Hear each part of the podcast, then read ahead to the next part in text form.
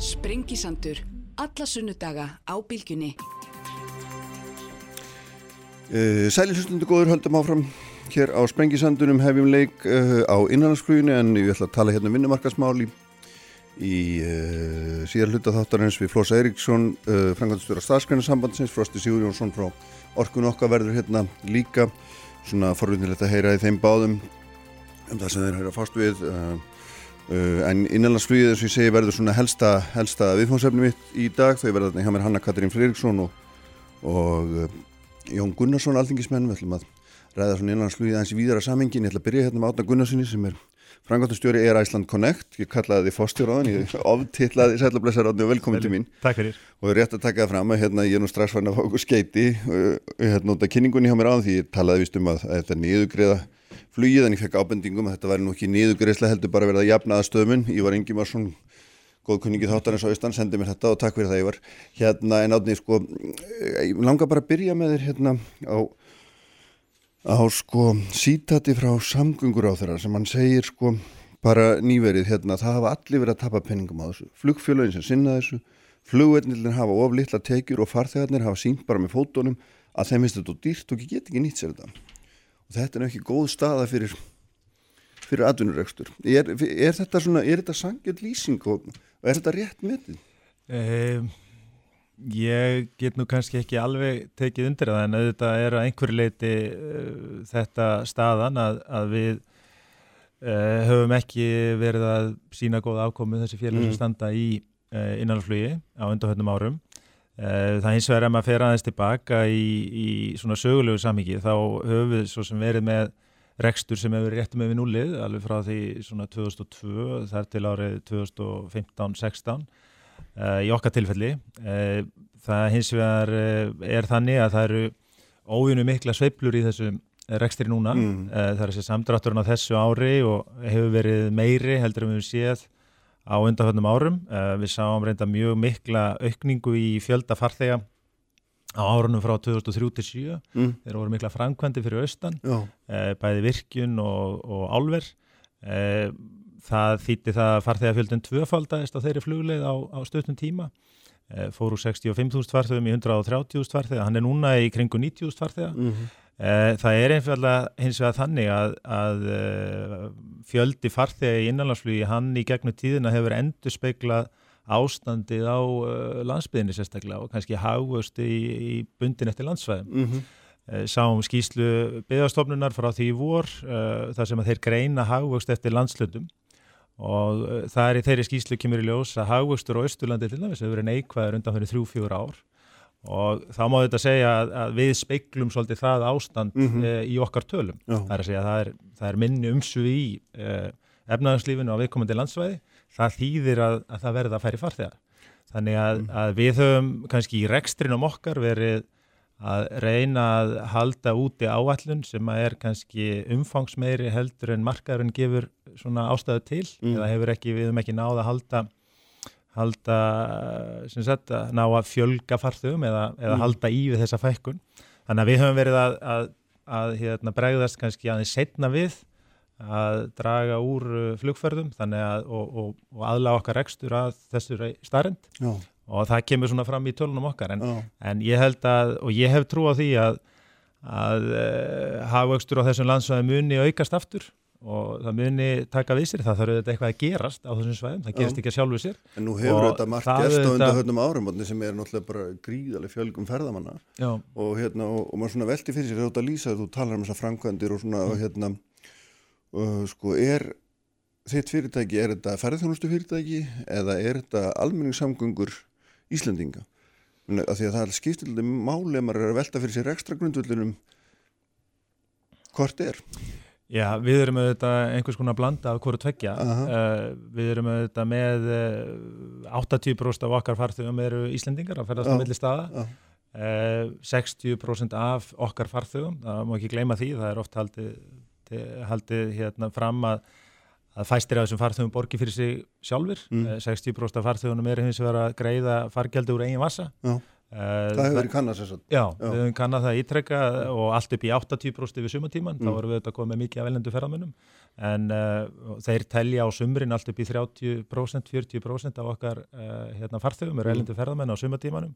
Þeir eru auðvitað að borga flugið úr eigin vasa. Um, þannig að, að uh, við erum þarna almenni samgöngur, mm. fólk er að fara á milli staða til að sækja ymsa þjónustu og og, og greiða þá reygin vasa en auðvitað eru þarna líka á vegum fyrirtækja og, og vegum hérna, e, stopnana og, og hérna, þjónustu eins og ombera mm. aðila e, farþegar en, en þetta er í rauninni við myndum segja að við værum svona blanda af því að vera oh. vera ferðarþjónustu fyrirtæki á almenningssamgöngur en, en fyrir marga erum við bara nöðsynlegar almenningssamgöngur Já, já, einmitt, en myndum að geta dreigð það álíktuna svona þessi ferðamanna sprengja sem orðið hefur á síðustu árum, hún hafi enga veginn skila sér, eða minnst ásti svona litluleiti skila sér inn í innanlandsflug sem samgöngum á það. Er semst með öðrum orðum fólk kemur hérna, það þurfa allir að fara til Reykjavíkur og svo fljú út á land. Mm. Það er bara alls ekki jafn algengt eins og, já menn, kannski vonuðust til fyrir einhverjum árum síðan. Það er reynda þannig að, að hlutleitt ellendra ferðamanna í innanlandsfluginu hefur vaksið í sama hlutfalli við fjölgun ellendra ferðamanna til landsins. Mm -hmm. Þannig að við höfum séð að, að fyrir 10-15 árum síðan þá var hlutleitt ellendra ferðamanna innan við 5% af uh, fjölda uh, farþega hjá okkur.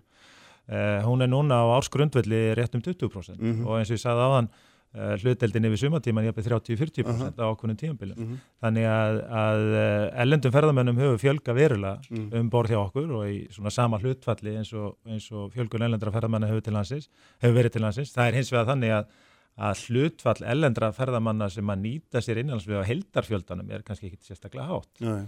Og er en, það bara svipað og var fyrir tíu árum eða eitthvað slíkt? Já, mögulega er það sko hlutfall þeirra en, en þeirra var náttúrulega fjölgað. Já, ég veit að hausum hefur fjölgað en, en hlutfallið er ámáta. Já, já, já. Er, er hérna, sko þeir eru búin að tellja upp þetta, þú segir að hérna, hausunum hafi fjölgað og, og það hafi verið mikla framkvæmdi í Víðalandi svo það breyst aftur, ég minna, en og, og, og maður har verið á flugfargjöldin og veist að margir mm. kvarta mjög mikið yfir þeim. Mm. minna, ef það er ekki hægt að reka þetta á þessum flugfargjöldum mm. sem maður segja sé allt og há, mm -hmm hvað þá? Ég sko, það eru þetta ímislegt sem þetta er að gera í því. Það er í fyrsta leið kannski varðandi flugfarkildina, mm. þess að minnast á þau að, að, að fólki verið umtalað um það.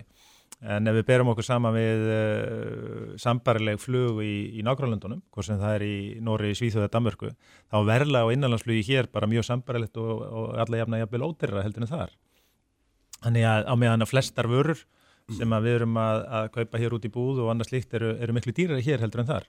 Þannig að, að verla á innanlandsflugi svona í sambarilu máti er, er, Já, er ekki... En ef ég er að fara til eilstaða þá er það dýrari heldur en að fljúta í döblin, skilurum. Ég held að það sé nú svona samanbyrðin sem henn gera. Já, það eru þetta verið að bera svolítið saman þar svona epplu og appisinu, sko, mm -hmm. því að hérna, við erum auðvitað með miklu minni einingar, uh, þú ert með minni markasvæði, þú ert ekki með 180 farþegar til að borga fyrir flugið, heldur mm. auksanlega bara 30 farþegar eða 50 oh. þannig að, að hérna að, og við erum að horfa á miklu minna landsvæð og það er, það er eitt uh, í því sem hægt er að gera, það er annars vegar hægt að bæta stöðu okkar sem hérna uh, rekstraðila, þar sé að það er til dæmis hægt að, hægt að full fjármagna rekstur í safi á innlandsflugulum við erum núna að borga til rekstraðins en uh, hann er að hluta til uh, hérna, fjármagnar af hennu ofinbera en ekki við ein, einu notendunir af flugullunum en það væri til dæmis einleið, það væri þetta full fjármagna uh, rekstur í safi á innanlandsflugullunum Þegar þú lendir einhver staðar þá borgaru Borga ég lendingagjöld, ég borga hérna, farþegagjöld og ég mm. borga flugleðsugjöld og ymslegt slíkt Er, það, er, þetta, er þetta hátt eða hvað? Já, þetta myndi vera svona kannski 10-15% af, af hverjum farmiða sem er fer í þessi gjöld. Uh -huh. uh, Önnulegði sem að hægt er að, að fara eru þetta svo að, að við erum í takmörkuðu mæli hér með uh, þjónustursamninga um ákveðin flug. Við reyndar hjá er Æsland Connect erum ekki með það. Uh, það er flug á aðra staði, minni staði sem er uh, á þjónustursamningi, hvort sem það er á Gjögur eða Bíldudal -huh. eða Þórsöfn eða Grímsi eða Vopnafjörð. Eh, það er hins vegar mjög algengt eh, bæði í Evrópu og í bandaríkjunum að, að áfangastæðir séu á þjónustusamningi. Uh, það er til dæmis menn átt að segja ekki á því að, að hérna, eða fáir vita því að, að flugumilli Amsterdam og Strasbourg, það er til dæmis á þjónustusamningi. Það er styrt af hennu ofinbera uh, flug frá sem þýðir það að vermi, vermiðin er læri en hann þyrst að vera eða hvernig Já það er mögulega getur hann verið læri mm. uh, og eða þá að, að þjónustun sín yfir höfuð haldið úti. Uh -huh. það sé einfallega bara ekki markas forsundu fyrir því að haldið -huh. út á, á, á meðan við þann marka sem er fyrir þetta flug. En þetta eru við með borgir sem eru miklu miklu stærri heldur nokkuð tíma þau sveitafjölu sem við erum að fljúa melli þannig að hérna, þetta er einn lið líka og, og svo kannski þetta er svona kannski á þessum rekstralegum grunni okkar mm. megin en, en síðan má þetta horfa það og tala um verðlæga, þá má þetta horfa til þessara leiði sem er, hefur verið í umræðinu nokkuð tíma, það er þessi svo kallega skoska leið að, að þá sé verið að, að, að hérna, gefa farþegum, mm -hmm. þá sérstaklega landsbyrjarnar sem er að sækja þjónustu hinga til höfuborgarsvæðinsins þessum að þjónustan hefur verið byggð upp fyrir skatt við allra landsmanna já, já. en aðgengið er ójæmt og þannig verið það að veita aðgengi Eh, landsbyrjarnar að þessum þjónustu þáttum sem eru hér. Þannig að Já. það er hægt að gera ýmsar, ýmsar, eh, að fara ýmsar leiðir í þessu til þess að, að hérna, bæði annars vera að laga reksturinn og hins vera að laga hérna, verðlægið eða verðið mm. sem að viðkomandi farþið þarf að borga. Það er rétt samt að halda þið til haga. Það var áhugaverð greining sem hagfræðingur viðskiptar að skerði núna í, í síðastliðin vetur ef ég maður rétt að, að eh, meða við kaupmátt í dag að þá er fólk að nota hlutvarslega færri krónur núna í að kaupa farmiða í meðinlandsflugi heldur en var fyrir 20 ára síðan. Það hefur aldrei verið færri krónur af, mm -hmm. af, af, af uh, launum fólk sem hefur farið í að borga innlandsflug. Þannig að þetta er svona... Ekki eru merkingu þó að mann noti flugi minna heldur einfallega sem... Nei, bara sem hlutvall af því bara hvernig, hversu mikið á ráðstöðunutekjunum þurftur að, að, að, að að vinna fyrir í raun? Já, í rauninni, þannig að En auðvitað er, er samburðun sem þú tóst á þann sem er varandi millandaflugið, auðvitað skekkir hann síðan þessa mm, viðmið. Mm. En sko, ef þú ættir að, að reyka flug á markarsforsendum í Íslandi og þú hefur nú marga fjörn og sopi í þessu og sagði mér að nú verður búin að vera hann í 20 ár, meina, er það bara einn flugleð í lagi? Er það bara Reykjavík Akkur? Er engin önnu flugleð sem raun og veru gæti stað undir sér? Sko, við erum í rauninni í dag að, að reyka okkar flug á Uh, á milli þessara fjóra áfangastada mm. frá Reykjavík til Ísafjörður Akkur og Ílstaða við erum að reyka það allt á, á markasforsöndum við erum ekki með uh, þjónustursamning við þau opibera um mm. reksturna mm. þessari fluglein það er einfallega unnið allt á, markasforsöndum uh, þeir eru þetta mismunandi þessir áfangastadar en við líka fljúum mismunandi ofta á þá uh, við erum með fæstaferðirnar á Ísafjörð þar eru við að fljúa millir 30-40.000 farþegum ári mm -hmm. við erum með þetta rétt um 80.000 á eilstæði og svo erum við 160.000 farþeg á, á Akureyri. En það hlýtur að vera eitthvað svona grunn viðmið, hvað þarf ég marga farþega til þess að þessi leið beri sig, svona almennt talað og, hérna, og með það að þú segist verið að tapa peningum núna, mm -hmm. að þá, þá hérna þá lítur þið að vanda farþega eða þú verður að hækka verðið, ég menna ef þú verður að segja mér að setja reykjata margarflósundum þá verður annarkort að koma til, ekki satt? Jú, það sem að kannski hefur verið hjá okkur eins og ég kom aðeins inn á áðan að, að við uh, vorum á síðasta ári hugsaðlega með og, og, og kemur svona svolítið þegar við förum að, að rýna í þetta, við vorum að vænt, hafa væntinga til þess að markaðar myndi ekki uh, minka svona hratt mm. Þannig að við vorum kannski svolítið seina bregðast við og aðlaga okkar tíðni og, og, og kostnæðastruktúra að þeim aðstæðum.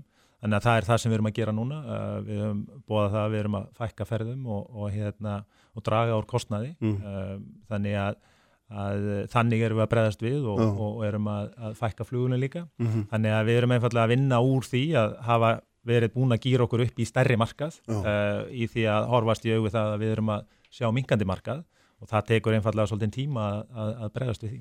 Við skulum hérna gera Örstur Hlið Átningunarsson frangatastöri er Æsland Connector hérna hjá mér. Þetta er svona upphafða umræðum innanhansluði hérna í dag og við höldum árum eftir ögnablík. Sprengisandur á bylgjunni. Uppspretta frétta á Sprengisandi á bylgjunni. Sælir afturlustundur höldum hér áfram á Sprengisandunum Flós Eiríksson verður hérna í lokþáttar frangatastöri staðskreina sambandsins Frosti Sigurjónsson verður hérna líka fyrir hundi alþingismöður framamaður í orkunni okkar og orkupakka andstæðingur, held ég mér svona óhætt að kalla hann. Uh, þau verða hérna líka rétt á eftir Hanna Katrín Fririkson og Jón Gunnarsson úr samgangu nefnd alþingis, ræðum innlandsflögi og höldum þá því áfram því Átni Gunnarsson, framkvæmdastöri er Æsland Connector hérna hjá mér. Við hefum svona verið að fara að holda bólta yfir stöðuna hjá fyrirtækinu aðeins og svona hlutverki þess í, í þessum innanlands samgöngu vegna þess að hérna, eins og nefndir réttiláðni þá er þetta, þetta hérna mjög mikilvægar almenningssamgöngur flugið og menn, maður sér í öllum svona kynningum frá Ísæfi, menn er alltaf að tala meira meira um þetta sem, sem svona eitthvað grunn hlutverk flugsins á Íslandi og, og hérna og þetta margi staði sem að verða að, að búa við þetta og, en, en þá líka byrja með strax að tala um styrki, þú talaði um þjónustu samninga, hérna, uh, fólk er illa við að tala um niðugreðslur en þetta er nú kannski samt sem aður einhvers konar niðugreðsla styrkir, uh, skorska leiðin er einhvers konar styrkjakarfi, svo erum við að tala um já, einhverja enn aðra styrki, sko fyrir enga fyrirtæki, fyrirtæki sem er skráða markað því þið eru það þetta dóttu fyrirtæki æslandir, mm. ég meina þá er þetta aldrei skrítin staða ef að hérna ef að svona einhverju stærri hlutar af, af flugfargjöldum er að koma í gegnum bara ofinbera fyrirgreyslu. Já, það má þetta veltaði fyrir sér að, að, mörg fyrirtæki í engageranum hafa stóra tekjur sínar af því að vera í viðskiptum við það ofinbera. Mm. Þannig að það er kannski ekki óðurlegt að, að mörgu leiti, hvað sem að það er í heilbreyðis eða mentageranum með öðrum stöðum. Þá eru menn með með hérna, það sem að menn er að sinna, hvað getur að segja, almanna þjónustu, mm. þá er ekkit óeðlegt við það að, að ríkið komi stert að því. Mér finnst það ekkit endilega að vera útloka það að, að uh, fyrirtæki á enga markað eins og við erum og skráð fjela mm. þessuna mm. hafa einhverju leiti sína tekjur af því að eiga viðskipti eða, eða, eða ofinbæra komi að, að umhverfinu sem okkur búið, mm. upp á, á, á mm. markanum Já. og við erum með þetta þannig að, að við erum til dæla fáminn þjóð uh, við erum með stort land mm. uh, við viljum halda uh, byggð í landinu sem víðast Já. Allavega í ákveðnum kjörnum hafa menn held ég svona samalst um það það sé rétt mm. að reyna að halda því úti. Og þá verður þetta að vera ákveðin þjónust í bóði og, og sumt að þeirri þjónust er ekki rétt að byggja upp á viðkomandi stað. Og hún er þá byggð hér á höfuborgarsvæðinu og aðgengja henni það þá að vera tryggt sko.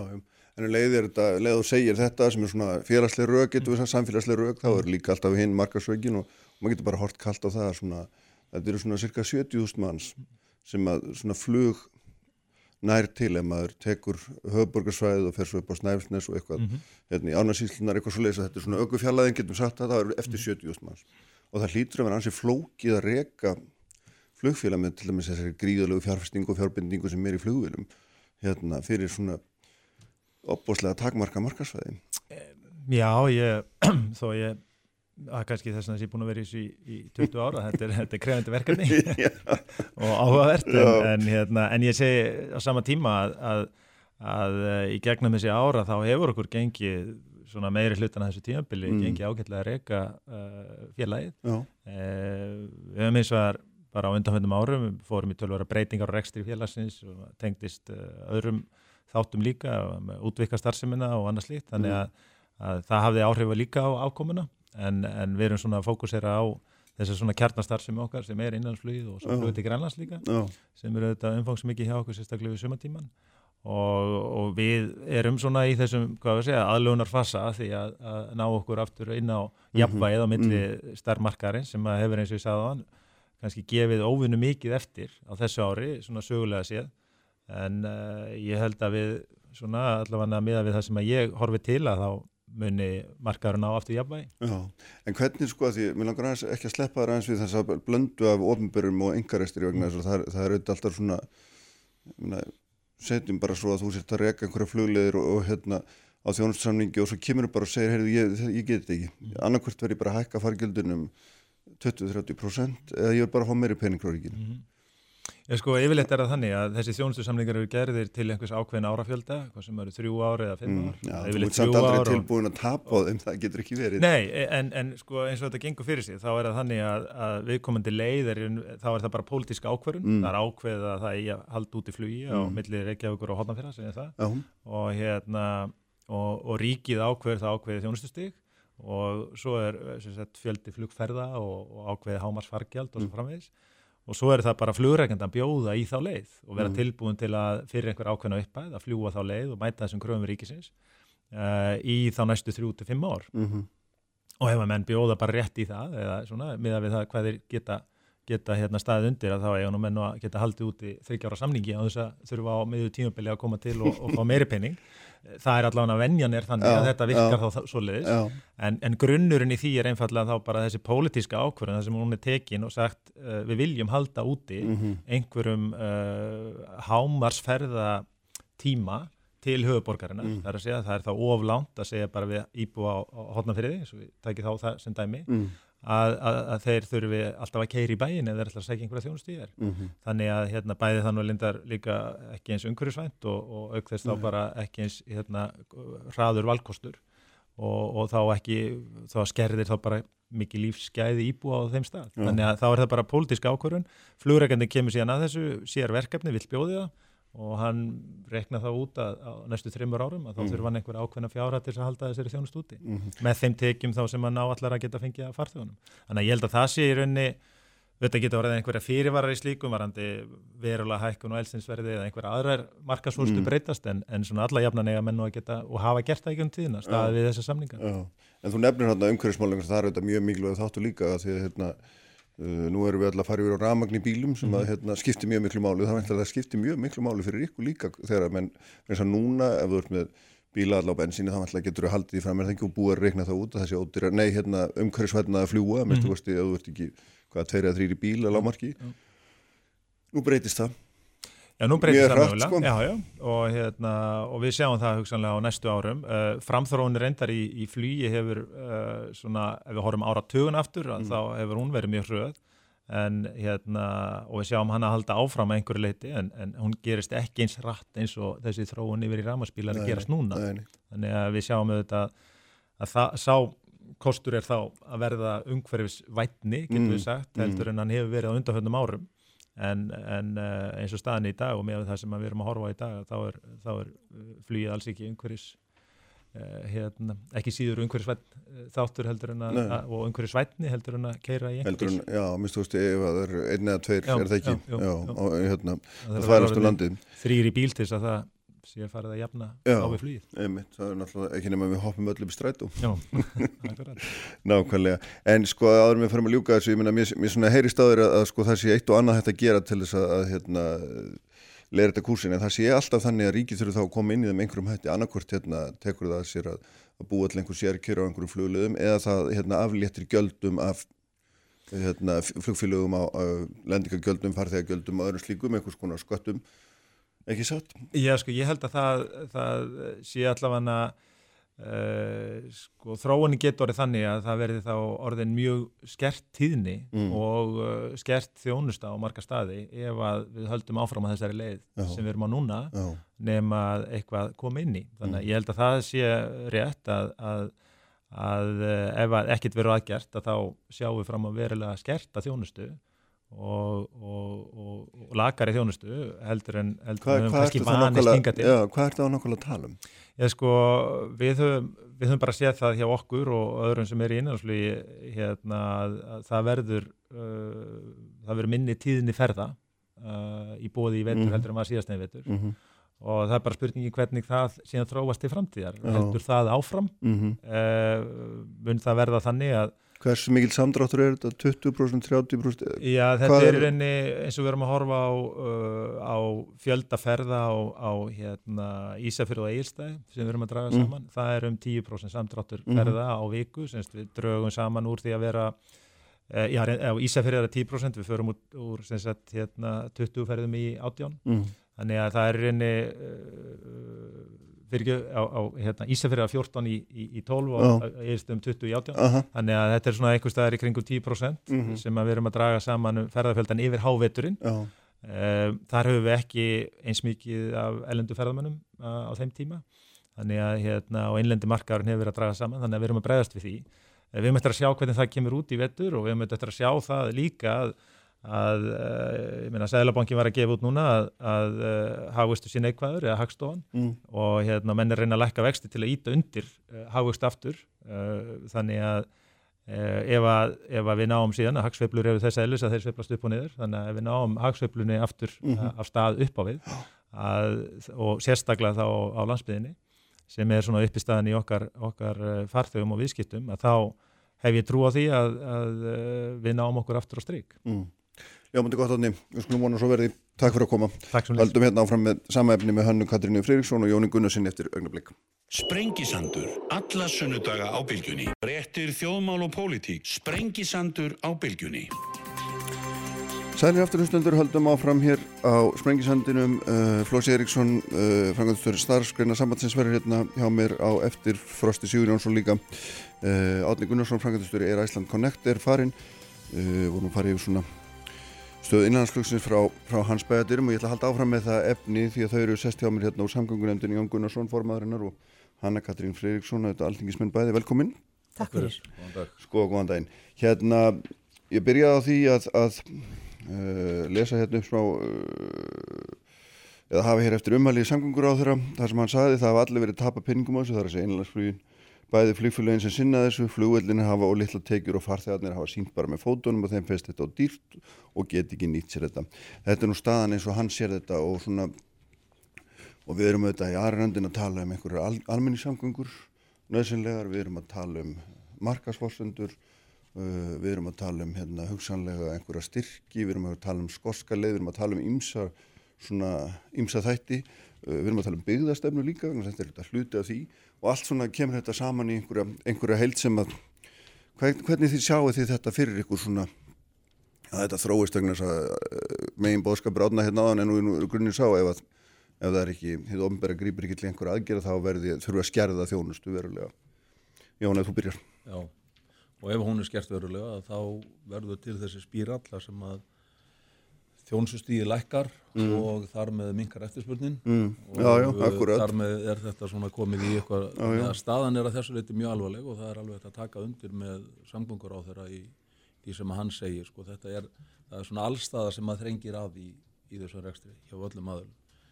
Nú fyrst er til að taka að, að sko, við gerð samgöngu áalluna núna uh, sem við afgrættum í þinginu í februar, að þá var í fyrsta skipti fjallað miklu meira um flugið heldur en dæmi eru um áður og það er fjallað um það í kaplanum sem að fellur undir almenningssamgöngur. Þannig að það má segja að þingið sé búið að móta þá stefnu með afgræslu þessar áallunar að innanlandsflug er hluti af almenningssamgöngum í landinu.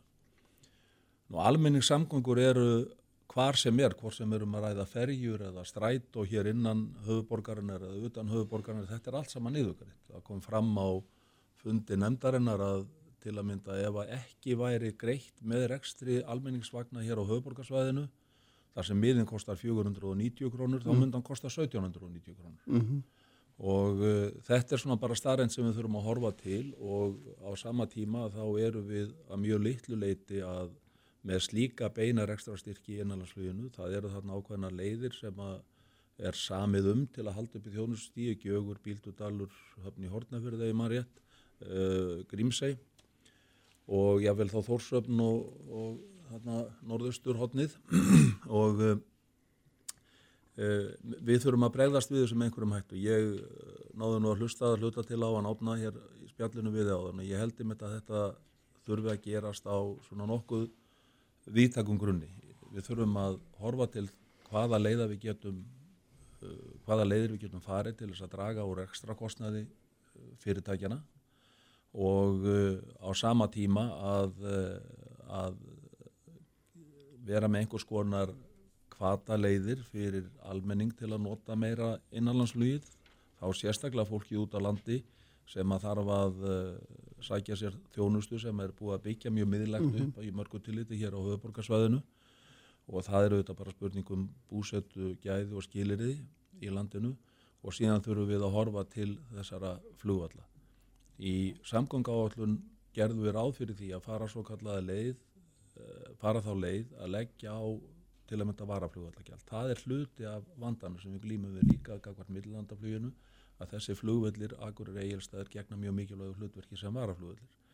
Eh, Ég get ekki séð að það sé eitthvað vit í því að fara að auka álugur á millilandaflugi við þar aðstæður sem er í dag. Mm -hmm. Frekar þurfum við að horfa til annara þátt. Þannig að svo leið sem við vorum þá að ræða við allt aðra aðstæður í ferðarþjónustunum og í flugheiminum munu ekki eh, vera hægt að mínu mati og og margra sem ég hef hýrt í að beita við þessar aðstæður. Skýrðu þetta eins betur fyrir? það var ákveðið að, að sko fara í gjaldtöku á alla farþega í millilandaflugi, uh, mjög hóflega gjaldtöku, gæti verið kannski svona 150 krónur var að tala um á leggin uh, og nota það fjö, færa sem sagt rekst, hérna, uppbygginguna yfir til Ísafja á þessum völlum, varaflugvöllum Mhm. og, Og nýta þetta gjald til þess að byggja og það var varaflugvalla gjald hér í gangi fyrir nokkuð mörgum mánu síðan En þetta er ekki, ekki, ekki, hérna, ekki upp á borðum lengur. Mér finnst þetta bara ekkit vera valið sko. við vorum bara að ræða við allt aðrar aðstæður Mhm. heldur en blasa við okkur í dag og þá er það bara þetta við þurfum einhvern veginn að,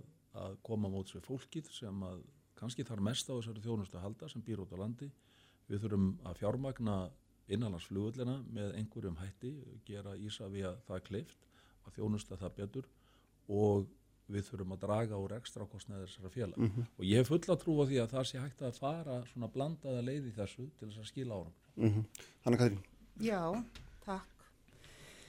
Já, já, menn, þetta, er, þetta er mjög mikilvæg umræða og, og mér finnst lausnirnar ekki kannski jafn borðlíkjandi og sumil vilja vera að láta. Ég, það er staðrind að í okkar fámenna landi þá eru góða samgöngur líklegast besta byggðastarna sem við getum haft. E, og það er alveg rétt það sem að samgöngur áður segir núna nýlega í fjölmunum að það sé allir að tapa á þessu. Mér finnst þess að mjög mikilvægt að við skiljum af hverju það eru allir að tapa á þessu áður en við förum að auðsa ríkisfið annars vegar inn í að lækka fargjöld fyrir notendur og í því að greiða niður uh, rekstur enga fyrirtækja í þessum bransa. En þannig að ég tel að við séum ekki endilega með stóru myndina. Mér finnst til dæmis mikilvægt að, átta, að við áttum okkur á því af hverju í þessari góðsend tíð ferðarþjónustunar sé að þessi vandi fyrst og fremst komið vegna þess að það hefur fækkað erlöndu ferðamönnum í innanlandsflugin okkar. Þeim ætti að vera að fjölga. Það liggur bara í hlutarins eðli að við eigum að vera á þeim. fjölgað að mestu kosti en ekki, ekki kannski Nei, nei, en ég meina þessi 10% fækkun í innanlandsflugi sem núna er þessi vandi sem mennur að klást við núna eh, þar að við er fækkun erlendra ferðamanna 30-40% nú áttuðum ekki á því, man ekki hver hlutullin er nákvæmlega en þeim hefur fjölgað um þessi prósent. Mhm. og mér finnst ekki þurfa svona djúpan skilning á því að átta sig á því að þar er eitthvað að, það er eitthvað sem veldur því að ferðamenn sem koma til landsins sjá sér ekki hagi því að fljúa á áfokastóti landi. Og það hefur alls konar afleðingar sér, þjettin farþega, ferðamann á stöðum sem við viljum ekki endilega, viljum dreifa um víðar og síðan þessi tekju áhrif á, á innanlandsflugið. Það er líka staðrind að almenni samgangur á höfuborgsvæðinu skipta hérna máli. Fólk sem er að koma utan að landi til að sinna erendum í Reykjavík, mikilvægum erendum, gerist gjarnan þannig ferða að það ætlar að gera fleiri en eitt og fleiri en tvent. Uh -huh. Almennin samgöngur á höfuborgarsvæðinu eru þess eðlis að það er ekkit endilega físilegt að ganga út úr flugvél og eiga síðan eftir að hvað, ferðast um á leigubíl alla daga. Ég meina það, það vantar upp á þetta, þennan hluta, Þessa tengingu. teng, þessa tengingu líka og það stendur nú vonandi til bóta. Það sem ég bara segja er að mér finnst mikilvægt að við höfum skýra mynda því af hverju þessi staða er eins og hún er og enn skýrari mynda því hvaða áðuningu fælst í þessu miklu niðurgröðslum sem við erum að tala um og nú er ég kannski að vísa í orð kollega míns og samþingmanns Viljáns Árnarssonar í, í fjölmjölum, hann situr líka umhverjum og samgöngunend fyrir sjálfstæðsflokkin og er að tala um að ekki engungu þessi útfærsla af skoskuleðinni sem við höfum nefnt og Jón kemur inn á og er í samgöngu áhullun og ég held að sé svona tiltula almennu hljómgrunnu fyrir því að fara einhverja þáleið. Heldur líka að veita ríkistyrkjum inn í þau enga fyrirtæki sem er á þessu markaði til þess að auðvelda lækkar ekstra kostnað þeirra þannig að ríki kemur þarna að í báðu megin í raun og veru og, og er einhvern veginn, er mann samfærður um að þetta skilir sér í lægra verði aukinni tíðni og svo framvegis ég, ég, ég sé ekki alveg endilega að það sé um þar? ég, ekki, ég hef bara ekki upplýsingar um það en ég skil ekki ennþá af hverju En þú er það ekki Mér, eitthvað? mér finnst bara við þurfa aðeins hérna, aðeins skýrari mynd af þessu, já, ég verð að segja það. Jón, sko, það er Þetta er hérna- dýrt, ætla aðeins að já, bæta já, við, já, af því þetta er dýrt, þetta er hluti af skangökkerfin okkar og það er ég nú ekki feitum hesti frá fjármögnun eins og er og við, þekkjum alveg stöðuna í því á að taka peningin og að hlýðra til peningu þar, hvað á að taka hennar pening, það er önnur leikilspurning.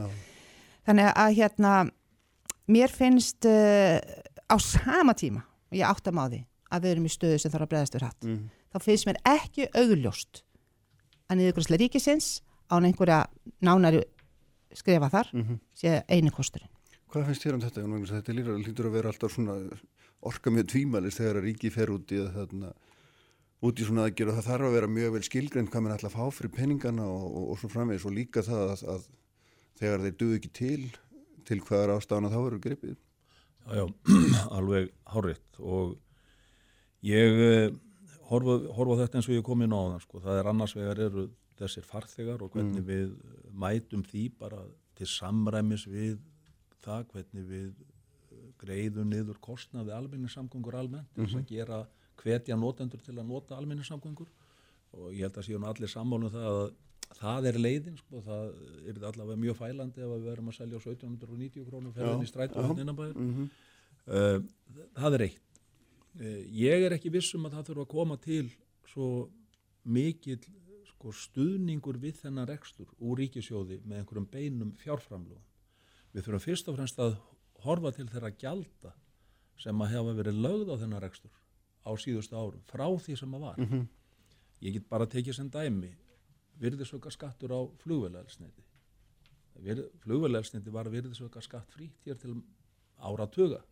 Það eru nokkur ár síðan að virðisauka skattur var lagður á, á það. Ég fekk upplýsingar hjá herði í örnum að þetta gæti verið svona kannski hjá þeim 30 miljónir ári. Þetta er upp að þessum munar um í þeim litla rekstri. Það, Ég veit ekki hvort það er þetta tífalda það sko hjá, hjá Air Iceland Connect og flugfélag Íslands. En nú myndi maður segja fyrir ekki að grípa inn í en sko það er, hérna, það er svona meiri stemning fyrir því að leggja sko auka skatt á eldsneiti svona umhverjus ástæðum. Já, en sko þá, þá ber að horfa til þess að það er bara viðurkjönd að kólefnisspor þeirra sem að fljúa er miklu læra heldur en að keri bílum þessar vegalengdir og uh, að því leiti er sko út frá lokslasmarkmiðum er mikilvægt og í raun hagkvæmt að við hvetjum eins mikið til notkunar á innanhansflugi eins og þetta er. Það er. Það er miklu hagkvæmari leiði því samhengi. Eh, Sko síðan er, er regluverk allt í kringum þennan rekstur. Það hefur bóluna mjög út, auðvitað miklar öryggiskröfur gerðar og við viljum hafa það þannig og við erum hluti af evróska kerfinu hvað þetta varðar og það er svona kerfi sem er hvað viðurkendast út frá öryggisjónamiðum í heiminum. Jafnvel en meira heldur en bandaríska kerfið. Þannig að sko, en það hefur því, haft í för með sér mikinn kostnaðar auka fyrir, fyrir félögin. Og uh, síðan eru þessi lendingagjöld uh, og uh, afgræslugjöld á það allt að lenda á þessum flugfélögum uh, eða eða hérna Það lendir náttúrulega á farþjónum ekki satt. Jú, á farþjónunum, Jú, já, fyrir gjöðu, já, það- auðvitað á lenda Endan gerir það já, já, já. Uh, leiga á flugstöðum uh, þú veist uh, þetta litla flugfélag Ernir flýgur á Bíldudal og Höfn þeir þurfa að leigja aðstöðu í flugstöðinni, Mm. litla flugstöðin á staðnum ég held að ef við teiknum þetta upp og segjum já, heyrðu ríkið ætlar að sjá um þennan rekstur innviðana og vera svona sjá til þess að það sé í lagi og, og hérna og láta flugið svolítið reka sig á, á sínum eigin forsendum án þessarar gjaldtöku frá ríkinu. Þannig að ég er ekki á þessu stíi að fara að tala fyrir því að við séum að fara að segja, heyrðu, við þurfum að setja hérna hundruði miljóna eða miljarda inn í þennan rekstur. Við þurfum fyrst og fremst að horfa til þess hvar getum við uh, gert þeim uh, hérna mögulegt að hagraða í sinnum rekstur uh, með því að draga úr álugum á reksturinn Mhm. pluss það að stuðla þá að einhverju sem að, sem að hérna hvetu farþegana til þess að nota þetta meira og þá fer tíðnin að aukast og þá, þá fer notkurinn En væntanlega að aukast. Þessi gjöld renna, er það ekki rétt skilið hérna, til Ísafja? Jú, Já. Þannig að, sem að, hérna, þannig að ríkið tekur uh, Þetta er tilhliðrun á ákveðinu Já, leiti já, sko þó hún sé vissulega sko hafið þann kost að vera veist, koma inn í, í reksturinn og fyrir stígun þannig að hún er Já, já, þetta er ekki, þetta er ekki ein, eins beitt styrku sko, en mér langar aðeins ef ég má, ég sko, varðan þetta með samaburð á kólöðinsporum í flugi og bíl, þá, þá er svo oft verið að, þetta er svo flókin útrýtningu sko, flug, full flug, erum við að tala um fulla flugvél alltaf og svo einn mann í bíl í hver skiptið, erum við að tala um stærri bifriðar, þannig að ég, þetta er, þetta er hérna sannarlega ekki, ekki klift á Við erum að skori, tala um einhverjum svona meðalbyggur. Eh, nákvæmlega sko, en hérna, sko, það sem að, það verður að tala Og um það- sem að við erum að hérna tala um sko, að því nú bara fyrir þessu ári tilkynnti samgöngu yfirvöld niðurfællinga og ríkistyrk á ákveðna flugleðir sem hafa verið ríkistyrktar til þessa og það var hérna norðaust, það var, það var síðan hopnað fyrir þossöfn og vopnað fyrir reyfi mann rétt og, og af því að það er átti að frekar að styrkja öðruvísi almenni samgöngu til þjættari kjarna og flugið þaðan. Þe- Þetta er svona ákveðin hagkvæmi sem fælst í þessu. Já. Rökin voru þau að það væri ótækt að ríki vera að niðugreiða tvennskona samgöngur á sömu leið og það er mjög skynsalegt og þá vaknar spurningin ef að þessi fyrirhugða áform verða niður að niðugreiða flugið en frekar erum við þá að draga úr niðugreislu á, á, á öðrum almennin samgöngu þar að segja vegakerfinu? Er þetta komið í staðin af því það til ég væra mikið óheilla spór ef að það, en það má lesa það út úr, út úr þessum farvegi sko. Já, en það var þannig Þú efast um að við getum byggt upp bæði í einu Nei, ég, það er Já. bara það sem að Já, hefur, hefur sagt hann alltaf ekki já. gera Já, akkurat. en, sko, þetta var skýsla sem að þetta kom fram í sko og þessar hugmyndir sem þar komu fram mm.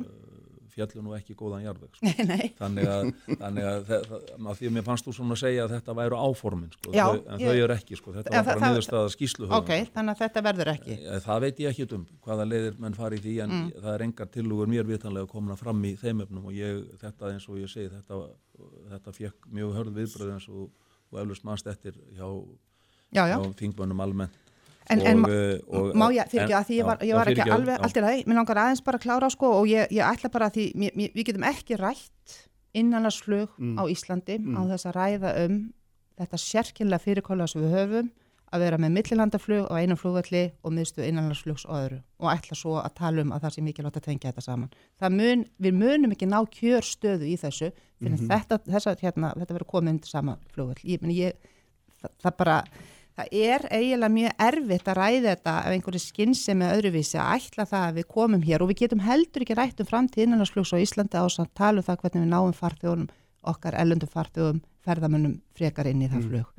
Við hljótum að horfa til þess að láta þessa mikilvæga atvinnugrein, að láta ferðamennina sem koma ellendisfrá, við viljum fá út og landa allt, við hljótum að vera með það inn í jöfnunni að ætla að fá þá inn í innanlandsflugið okkar.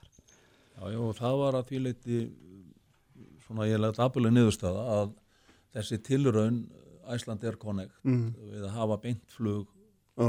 frá Akureyri, milli Keflavíkur Akureyrar að hún gekk ekki Nei, nei. það var það hætta því að því eftirspurnin frá ellendu ferðamönnunum var ekki mikil, það var þó nokkur eftirspurn frá aftur á móti Já, já. fólkinu fyrir norðan Já, já, já. en, en hérna en Samt það ekki nógu margir, sko.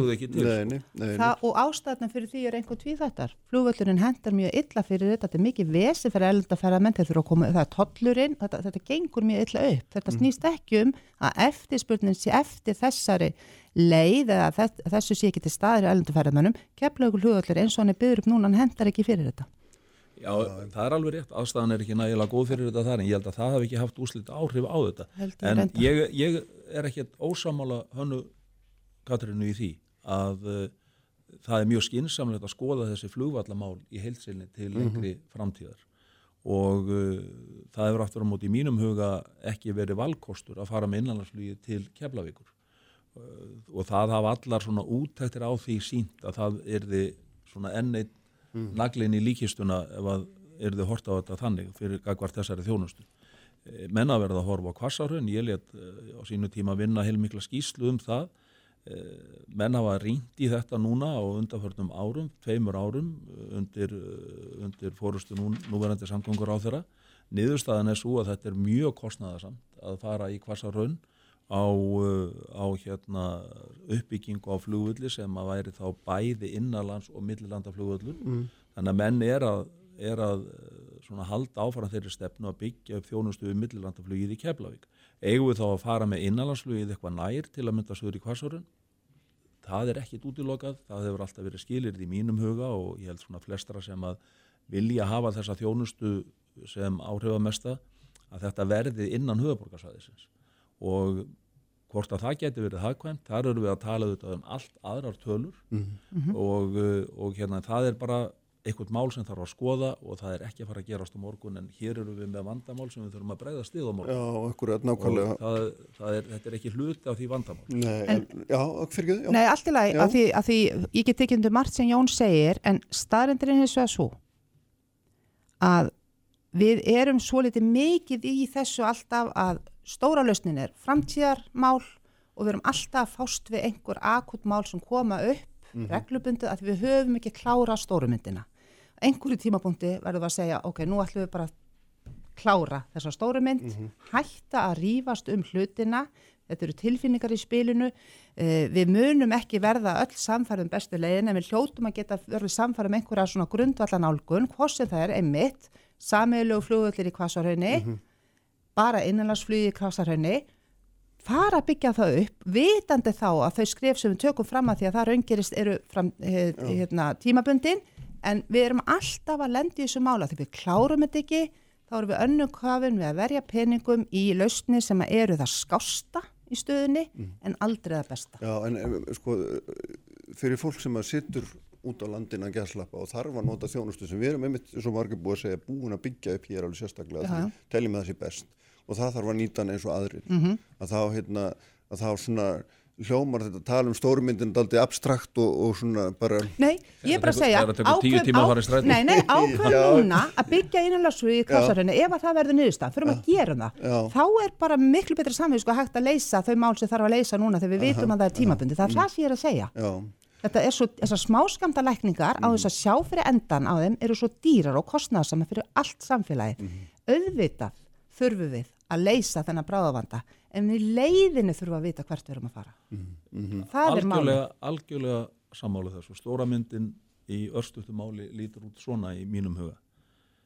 Eh, Það kom úr skýslaðan daginn sem sýnir okkur það að byggðaþróun er þannig að það er meir og minna þjappast uh, fólkið í landinu er að þjappast þér saman og mjög afmarkað svæði landsins sem er suðvörsturhóttin. Það er ekki framtíðasín sem að mér hugnast og ég held við viljum öll reyna að stuðla því að við geti blómstra vel um all land. Til þess að það sé hægt, þá þurfum við náttúrulega fyrsta lagi að búa til tækifæri fyrir landsbyðina og fyrir samfélagið í heild að geta skapað uh, hérna, atvinnutækifæri og verðmætasköpun sem að, uh, sem að sko, stýrir þessar uppbyggingu. Við sjáum alveg hvað gerist núna þegar að lagseldið er í uppbyggingu á vestjörðum, hvílik gríðarlega bylting yfir orðu og arfáum árum. Þetta er bara allt annað umhverfi, það eru komin að dildir í skóla aftur, það er að byggja við leikskóla, það er að fara að takja götur og byggja hús. Þessi tækið færi þurfum við að skapa vegna þess að hennar hefðbundu atvinningarinnar okkar, þær hafa alltaf verið að draga saman mannabla þörfin í þeim, þetta eru tækið sem við þurfum að skapa, tækifæri sem við þurfum að skapa. Og það gerum við með margvíslegum hætti, til að mynda eblingu dreifikjörðis rávorku, til að mynda bættum samgöngum og ég hef nú talað fyrir núna í nokkur tíma fyrir mjög ákveðnu lausnum í því. Og síðan uh, er vinnanlandsflugið og þessi samgöngumál hluti af þessu. Vegna þess að það eru lífskeiðin sem unga fólki gerir eðlilegar kröfur til sem við þurfum að svara. Og það er ekki lífskeiði að búa á Þórsöfn eða fyrir austan eða fyrir vestan og eiga að fara með strætó og það tekur í tíu tíma. Þú vilt helst geta skotist í erendikjörðin hvort sem það er til læknis eða, eða hérna til að, annara, til að nýta annara, aðra þjónustu eh, nú eða bara sinna einhverjum prívat erendum þú vilt geta gert það jafnvel innan sama dagsins. Og þessi skorska leið mætir því að hluta til fyrir fólki sem býr út á landi en það mætir ekki þörfum af og ömmu sem að búa í bænum eða annara fjölskyldumæðlema sem langar að skjótast í ammali hjá barnabötnuna sínum. Og það er þessi heildarmynd sem við þurfum að horfa á.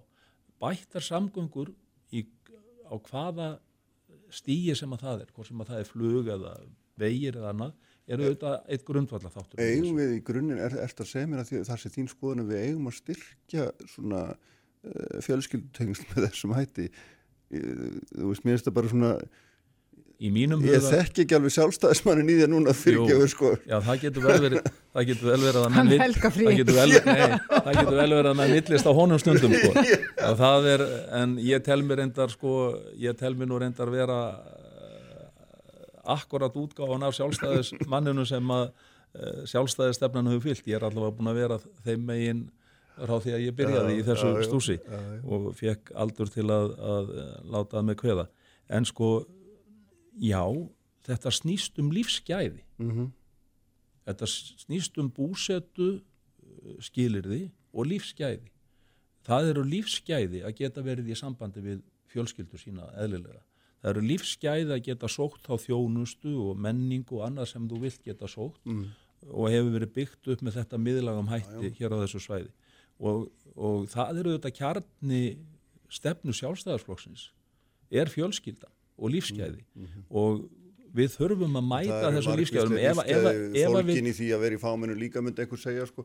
Ég mikið lóskum, ég meina, dóttir mín býr á Siglufyrði sko, það er fótt alveg Já. langt að keira Já, til að byrja með sko, en, uh, og sjálfur var ég auðvitað bóndi norður í landi og þá voru nú malavegir, en hérna, þetta verður auðvitað gjörbreyst, grunnurinn í þess er alltaf sá, það er auðvitað það sem að menn kom inn á hér fyrir mörgum árum bara upp úr og Já. sér grein fyrir þegar við vorum að öðlast Já. okkar sjálfstæði. Að, bara segja þetta, að við erum alltaf, verðum alltaf að hafa það í huga, við erum mjög fámenn þjóð í mjög Já. stóru landi. já, já, já, það er auðvitað rétt Já. Já, ég, það, sko, eins og ég kom inn að bara í upphafi, við ég erum meina að við um erum að tala um, það, það, það er er þetta, við engin, erum líka, nú erum við fann að tala um já, sko, nákvæmlega, menningarstefnu. hérna, vestfyrir, ég kemur söðu fyrir þennan, hérna, vestur eftir núna í síðustu helgi, sko, það, það má nú til dæmis alveg taka þá vegi inn í, inn í myndina og, og, við skulum bara alveg klástu það, hvort að þeir, og þú veist, og það, fyrir vantilega tölur orkið ræða, eru Ég þeir á undan eða eftir fjárðaheiða ég, ég og þú getum klárað það. Ég get gert það. Já, þú settir þau áallun að Nákvæmlega, ekki- fara alveg út ég Já. ætla bara að segja sko, ég held að í grunninn erum við ekkert ósamála um þessi mál. Það sem ég hef bara vilja Bæði sjálfstæðismenn Nú, nú, þessi, þetta var, var ekki gott, þetta var mjótt. Þetta var illa sagt, ég held að væri minn í fullum vinskap. En hérna, nei það sem ég er bara segja að, að mér finnst orðið tímabært að setja punktinn aftan við þetta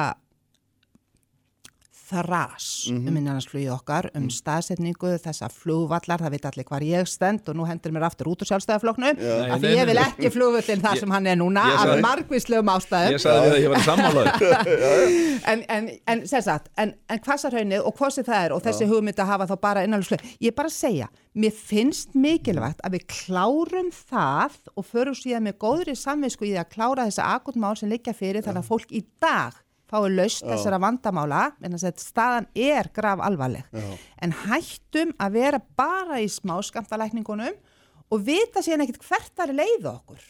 Þetta er bara svo óhagkvæmt og óskinsamlega En Algjörlega er, er, er, erum við þá bara, hérna, svolítið þessi, er það ekki Jón, ef ef ég skil rétt að það þarf að aflétta þessum gjöldum og þú mynd núna gangi það, þú ert hérna, kunnur verkmaður og frangvændamaður, ég meina það, það lítur að vera það næsta skref, er það ekki, en það er bara vandin er sá að þetta eru gjöld sem að hérna, Ísafja nýtir síðan og það þarf ríkið þarf þá alltaf að, að koma einhver, einhver fjárframlega á móti í uppbyggingu flugvallan, en þetta er bara einn svona, einn hringrás sko. Akkurat, ég meina við höfum lagt við höfum lagt íþingjandi göld á hana rekstur og undanförnum árum staðan er erfið. En þú verður að taka peningan einhverstað bara annar staðar, þá í staðinn, úr ríkiskerfinu, mikil er það ósku, ekki? mikil ósku og við getum alveg rætt það sko hversu uh, hver, hversu eðlilegt er það að, að uh, ríkið sé ekki bara að á þessum líkil leiðum sem við erum að tala um að ríkið sé ábyrgt fyrir þeim innviðum alveg eins og höfnum og hinn og þessu. Það er svo svona greitt hafnagjöld og allt þetta.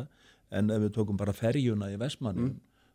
Þú veist þegar að hvað er gjaldi komið niður í þar innan við þúsund krónur eitthvað Mhm. Já, þú veist að fara þú veist, uh, innanlandsflugið er að keppa við þetta allt saman sko. Mm. á meðan erum við með þessi gjöld á, á hérna á innanlandsflugið já, ég vil fara þá leið Mm. í stuttumáli að skoða það hvar við getum létt þessu á ég gerir mér alveg grein fyrir því að það hverfur ekki upp í kosmóið Nei. sá kostnaður, sko. nei. Nei, það verður að svara honum með einhverjum öðrum hætti og síðan þurfum við að búa þá til kerfi sem er ágættis reynsla og við komum vel inn á í samgöngu áallum sem að getur mætt sérstaklega fólkinu sem býr á þessum stöðum til að auka ferðirnar og, uh, og aðra kvata þá til þess að nota þessa, þennan þjónustu þátt betur þannig að starfseminn verði öflugri og hagkvæmari. Ég held hérna, látum gott heita. All right. Takk Er það ekki? Takk fyrir. Takk fyrir komuna, bæðið tvö. Frosti Sigurjónsson verður hérna hjá mér eftir, eftir augnablík, þá förum við nú að tala um hér sívinsælamál, orkupakkan. Mér sé ekki að því. Fréttir þjóðmál og pólitík. Sprengisandur á bylgjunni. Kraftmikil umræða, alla sunnudasmórna. Sprengisandur á bylgjunni.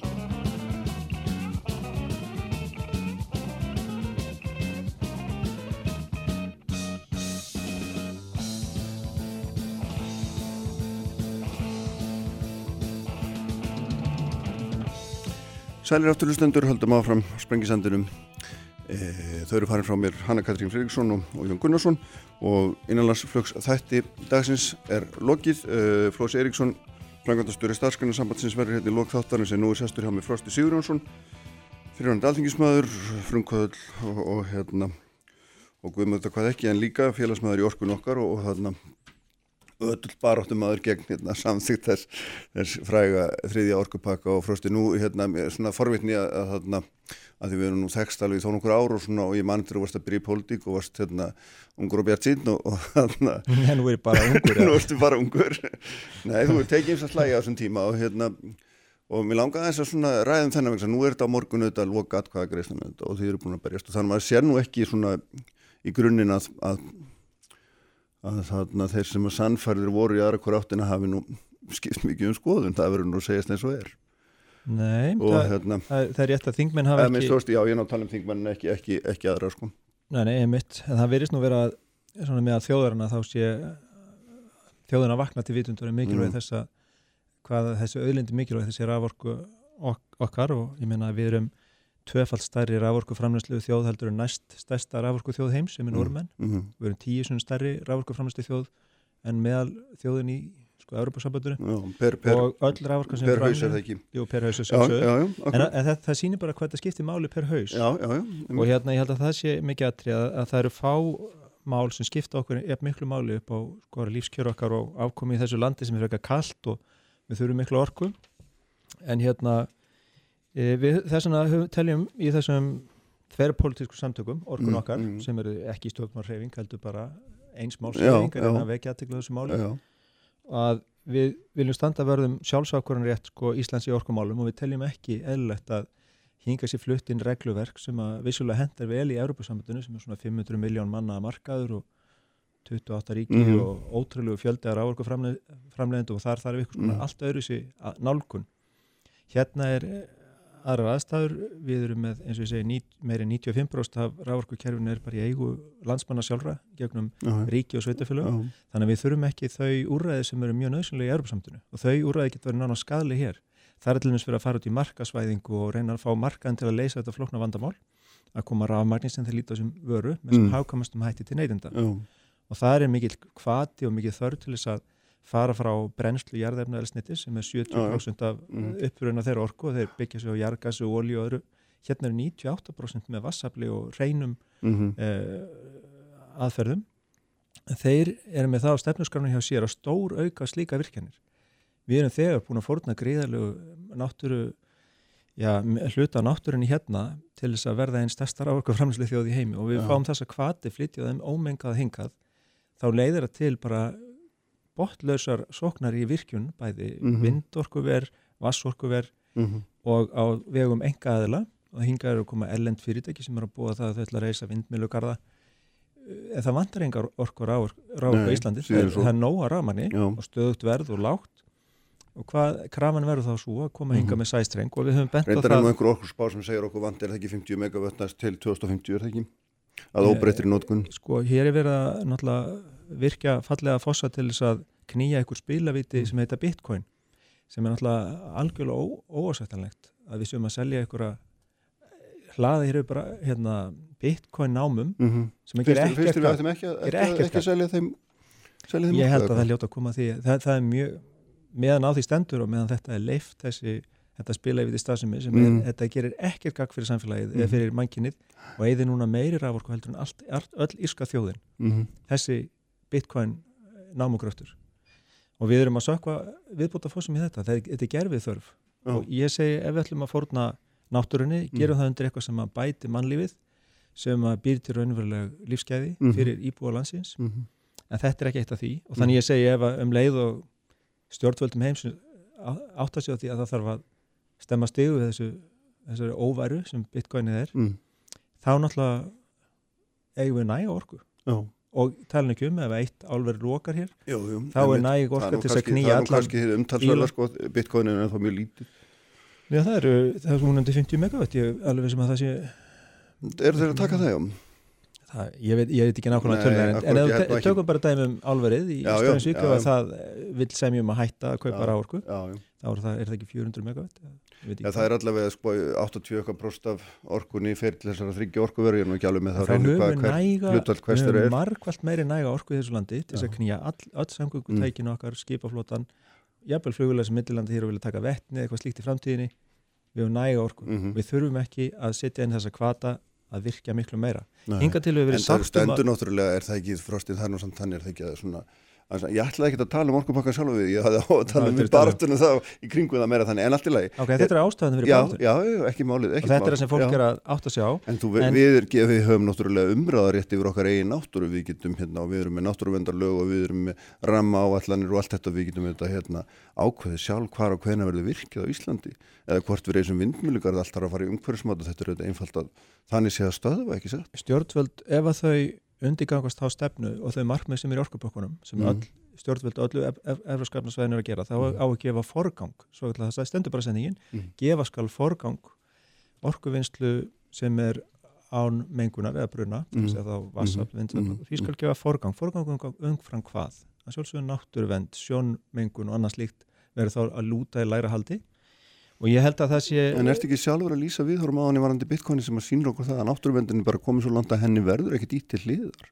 En það er engin stemning fyrir því hvorki í annar staðar. Ég held að þú til dæmis, hvort myndu þú halda að muni fá forgang í huga stjórnvalda í Evrópu Mm. loftlags hamfara hlínunin sem stendur af stafar af ofmiklum útblæstri eða vendun gullfoss og fallegra fossa á víðirna á Íslandi. Ja, þetta er mjög góð spurning. Venna þess að ég veit ekki hvað verður. Nei, Og nei. ég geti trúið þegar það búið að lýsa við neyðar ástandi Já. varandi útblástur í mörgum mörgum Mm. ríkjum, kannski Mm. Breitlandi og Já. það er verið ákallan það hér þá fara menn að velta fyrir sér byttu. Það er hægt að virka gullfoss og draga mjög úr útblæstri Európa það er ekki um eitt stóran eða tvo strengi virkjum þennan, þennan foss sem Mhm. að bara en bara bara en síðan hugsaum við bara hlítið þess hvað við erum Já. að bjarga Evrópa með lofslagsmál Já, já, einmitt. en síðan er Þetta er mjög góð spurning. Þetta Þetta, þetta, þetta snýr líka sammannleiri ábyrð og þe- þetta er ekki bara þetta dæmi, Já. það er mörg svona dæmi. það getur vel verið að þú sér þeirra skoðunar þetta sé bara verðut markmið en Ég er ekkert að lýsa minni skoðun, ég bara sem að segja að- að þetta eru rauk sem maður heyrir ofta, er, er að við höfum að víðari missa- ábyrðin gagvart okkur sjálfum. það Já. getur vel verið að, að þjóðum myndi vilja færa þessa fórn en þá þurfum hann að gera því að frá sem er að glíma við Mm. önnur mál. Mhm, og, og við höfum fært nú þegar meir fórnir þessari tegund heldur en aðra þjóðir. Mhm. við höfum virkað meira.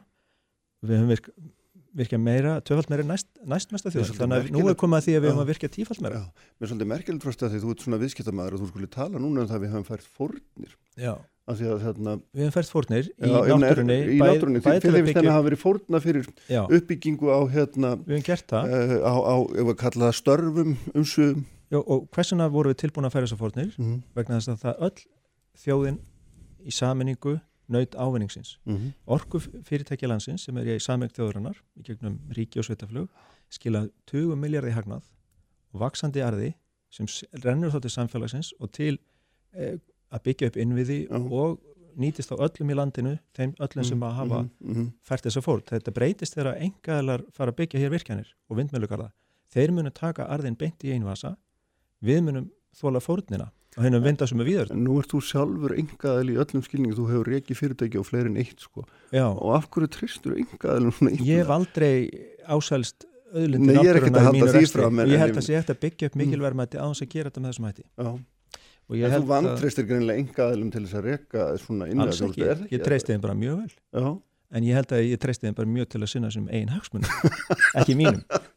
En Ég, þetta var vel svarað, ég, ég held að þetta sé bara eðlilegt ef við viljum, ef við viljum fara þessa leið að Mhm. markasvæða orkukerfið það, um það hefur þjóðun aldrei rætt og hún hefur aldrei tekið lýrasla ákvörðunum að stíga það skref að fara frá algjörlega ríkisreiknu Mm. samegn á orkukerfinu Mhm, mhm. stöðu verði og engu svefnum Aha, já. og fela markanum að stýra þessu það er ákvörðun sem við höfum ekki tekið lýrasla heldur við bara að flutta hana inn í orkupakkum og það hefur aldrei verið neina umræð svo þegar Mhm. ég fyrir að skoða þennan Já. orkupakka sem ég gerði fyrst þegar ég var á þingi og þá var ég auðvitaðríkismál nefnd og ég sagði, akkur fá ekki undan það frá þessu, við erum Mm. ekki tengd við þennan markað það er alveg ástæðalust Já. að við séum að innlega þetta hér það var ekkert hlustað á mig, Nei. það var allir sofandi Já. og núna þegar þessi samtökur eru farin að vekja þjóðuna þá heyri ég að það er mikil hljómgrunni fyrir þessum sjónum við viljum bara fá að ræða þetta ég held að sé í næstu þá kostningum ef við náum ekki að stoppa það núna það, þetta verður stórt mál í næstu kostningum Mhm, og alla þeir flokkar sem núna er að fara að samtækja þetta mhm, og ít á játakan mhm. alla þeir að vera flokkarnir sem að svara kallið þjóðurinn um að við fáum að ráða þessu sjálf Mhm, þeir eru að missa allan trúveruleika þeir íta á hann játaka mhm. en það er núna sem þeir geta að stoppa þetta Ég, þarna, sko, það er svona áhugavert vegna þess að á morgun þú segir ef og ef en við vitum alltaf báðir hvernig þetta fer á morgun eða ég meina það er nema eitthvað stórkostlegt gerist eða stórkostlegt í þeirri merkingu að einhver umbylting verði en, Mhm. en, hérna, en hvað svo hjá ykkur? Því nú eru þið búin að standa í þessu og búin að leggja mikla vinn í þetta og Já, mikið kraft, hvað, hvað gerir svo? Er, þið, er þetta bara búið eða hvað? sko á morgun náttúrulega hérna færi við þinginu þessa áskorun okkar um að og meira en 6.000 undirskriftir um, Já, um að þingmenn býði og, og hérna leiti undan þá Íslands frá þessu. Samþekki ekki enn orkupakka, gerir það fyrir okkur. Nú ef þeir verði ekki við þeirra áskorun þá munum við skora fórsetan að, að hérna staðfest ekki orkupakkan Mhm. fórsetin gerir alla erlenda samninga og alla breytingar á erlenda samningum þannig að hann þarf að skrifa undir orkupakkan áður en hann tekur gilding Mhm, á hvort mhm, samstafstöðum mhm. okkar. Ég Við ætla ekki á að andmæla sem þú veist alveg að það er búið hérna, Það er alls konar menn með alls konar skoðan á þessu en þetta stendur bara í stjórnarskrona Já, já, já, ok, Þú ég ætla ekki að strætum þú- þetta þú á en, en þú veist, við skulum bara halda, hérna, halda eitthvað haga fullt af fræðimennu hefur sagt að þetta sé tómvils hann er búin að sverja eigða já, Ég hef lesið þessu Já, Þar stendur Já, erlenda samning já. og aflengina því Já. er hann og þarf að skrifa undir með undar utanriksráðuranum Mhm. að þetta tæki, þessi breyting á þessum milliríkja samningi tæki gildi. Mhm. ok, Já, svo getur vel verið að hann reyna að stiðast ykkur fræðum um hann er ekki að gera það. Já, en honum verður sem sagt fært að tækifæri að afstýra þessu. Uh, við hefum hitt átt fund með hann og tókum bara mjög vel og hlusta á þetta já. og við munum bjóða fólki að taka þátt í þessar áskorun. Mhm, síðan er undir eh, heitinu Sinjun sem að snýr und að því að, að hafna þeim frumvörpum sem leiða orkupakkanum breytingu orkulögum annars lík já, mhm, og þar getur við sérlega fórsetin vísa því til þjóðarinnar. Mhm, við munum síðan halda fram að útskýra fyrir eh, þjóðinni Mhm. mikilvægi þessar orkumála skora á stjórnmálarhefingar allar að mynda sér skoðun í þessu máli svo kjósundur í næstu kostningum geti hérna, tekið afstöðu á grundvillig þessara mikla hagsmannamáls ég, ég vil reynda að meina það að, að sko, þau stjórnvöld sem núna eru og voru stutt til valda og ríkistunir sem Mm. stutt til valda fólki sem vill ekki að þetta veri gert. Það eru álíktanir frá flokkum þeirra mhm, skoðana viðarskannin sína að þeir hafi ekki umbútt til þess að gera þetta sem þeir fara að gera. Mhm. það er sem sagt 80% á móti því að þeir framsýli þetta vald og innleiði þessari lögjöf og við sjáum bara að og það er ein ástæðan fyrir því að við teljum að fórsetin að láta sér kveði í þessu að þetta er óleiraðisleg leið þetta líka hefur verið varað því að þetta stangast á við stjórnarskrá framsalið og er líka búið að- þetta getur skapað bótaskildu fyrir ríkið. Já, jú, jú,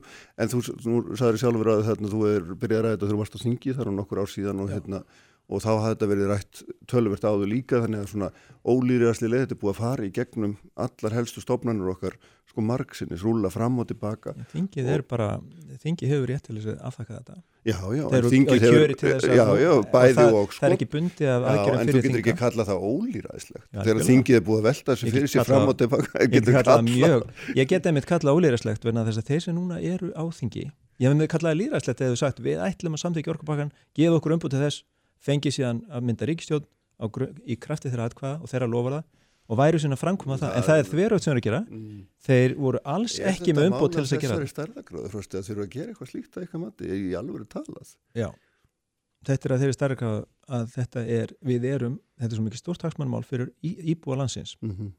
að þeir verða að fá fullt forræði yfir þessu málaflokki sem er orkumálin. Það gæti alveg vel verið ef að höfum við það ekki? Mm, við höfum hatt það. Ég en, en núna erum við að innleiða En, en Og þetta verður ekkit að veruleikanum ef við tengjust markanum. Þú, er Þetta- það ekki rétt skilja á mér? markas- Við erum ekki sammála um það. markasvæðing, nei við erum ekki samlað það Við erum ekki sammála um það endur. Nei. nei, nei. en það, vissul, Fysiskt tenging er ekki grundalladri í þessu að þínum að því. ég er að segja hérna skal ég segja hvað ég er að segja Já, já, já. ég er að segja það að hérna, með, þess, með þessari löggjöf Já. þá erum við, að innleiða markasvæðingu kerfi sem svo skuldbinda okkur til þess að búa til orku marka Fyrirgeðan, hún var náttúrulega innleitt áður. Sko. við þurfum að vinda á hana því Já, nú ok, ég má snúa það því tilbaka. algjörlega. Já, Já, mhm. algjörlega mínum mati. Já, ég, ég, að- ég get ekki tala fyrir alla sem er í þessum þverrpolísku samningum orkan okkar ég meina, Mhm. nú er ég að lýsa mínu skoðan menn geta haft alls konar Já, já, fyrir þessari afstöðu sinni.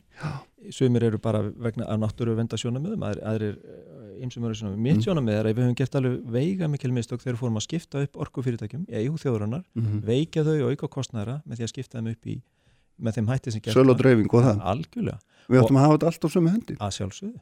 Okkar hendi.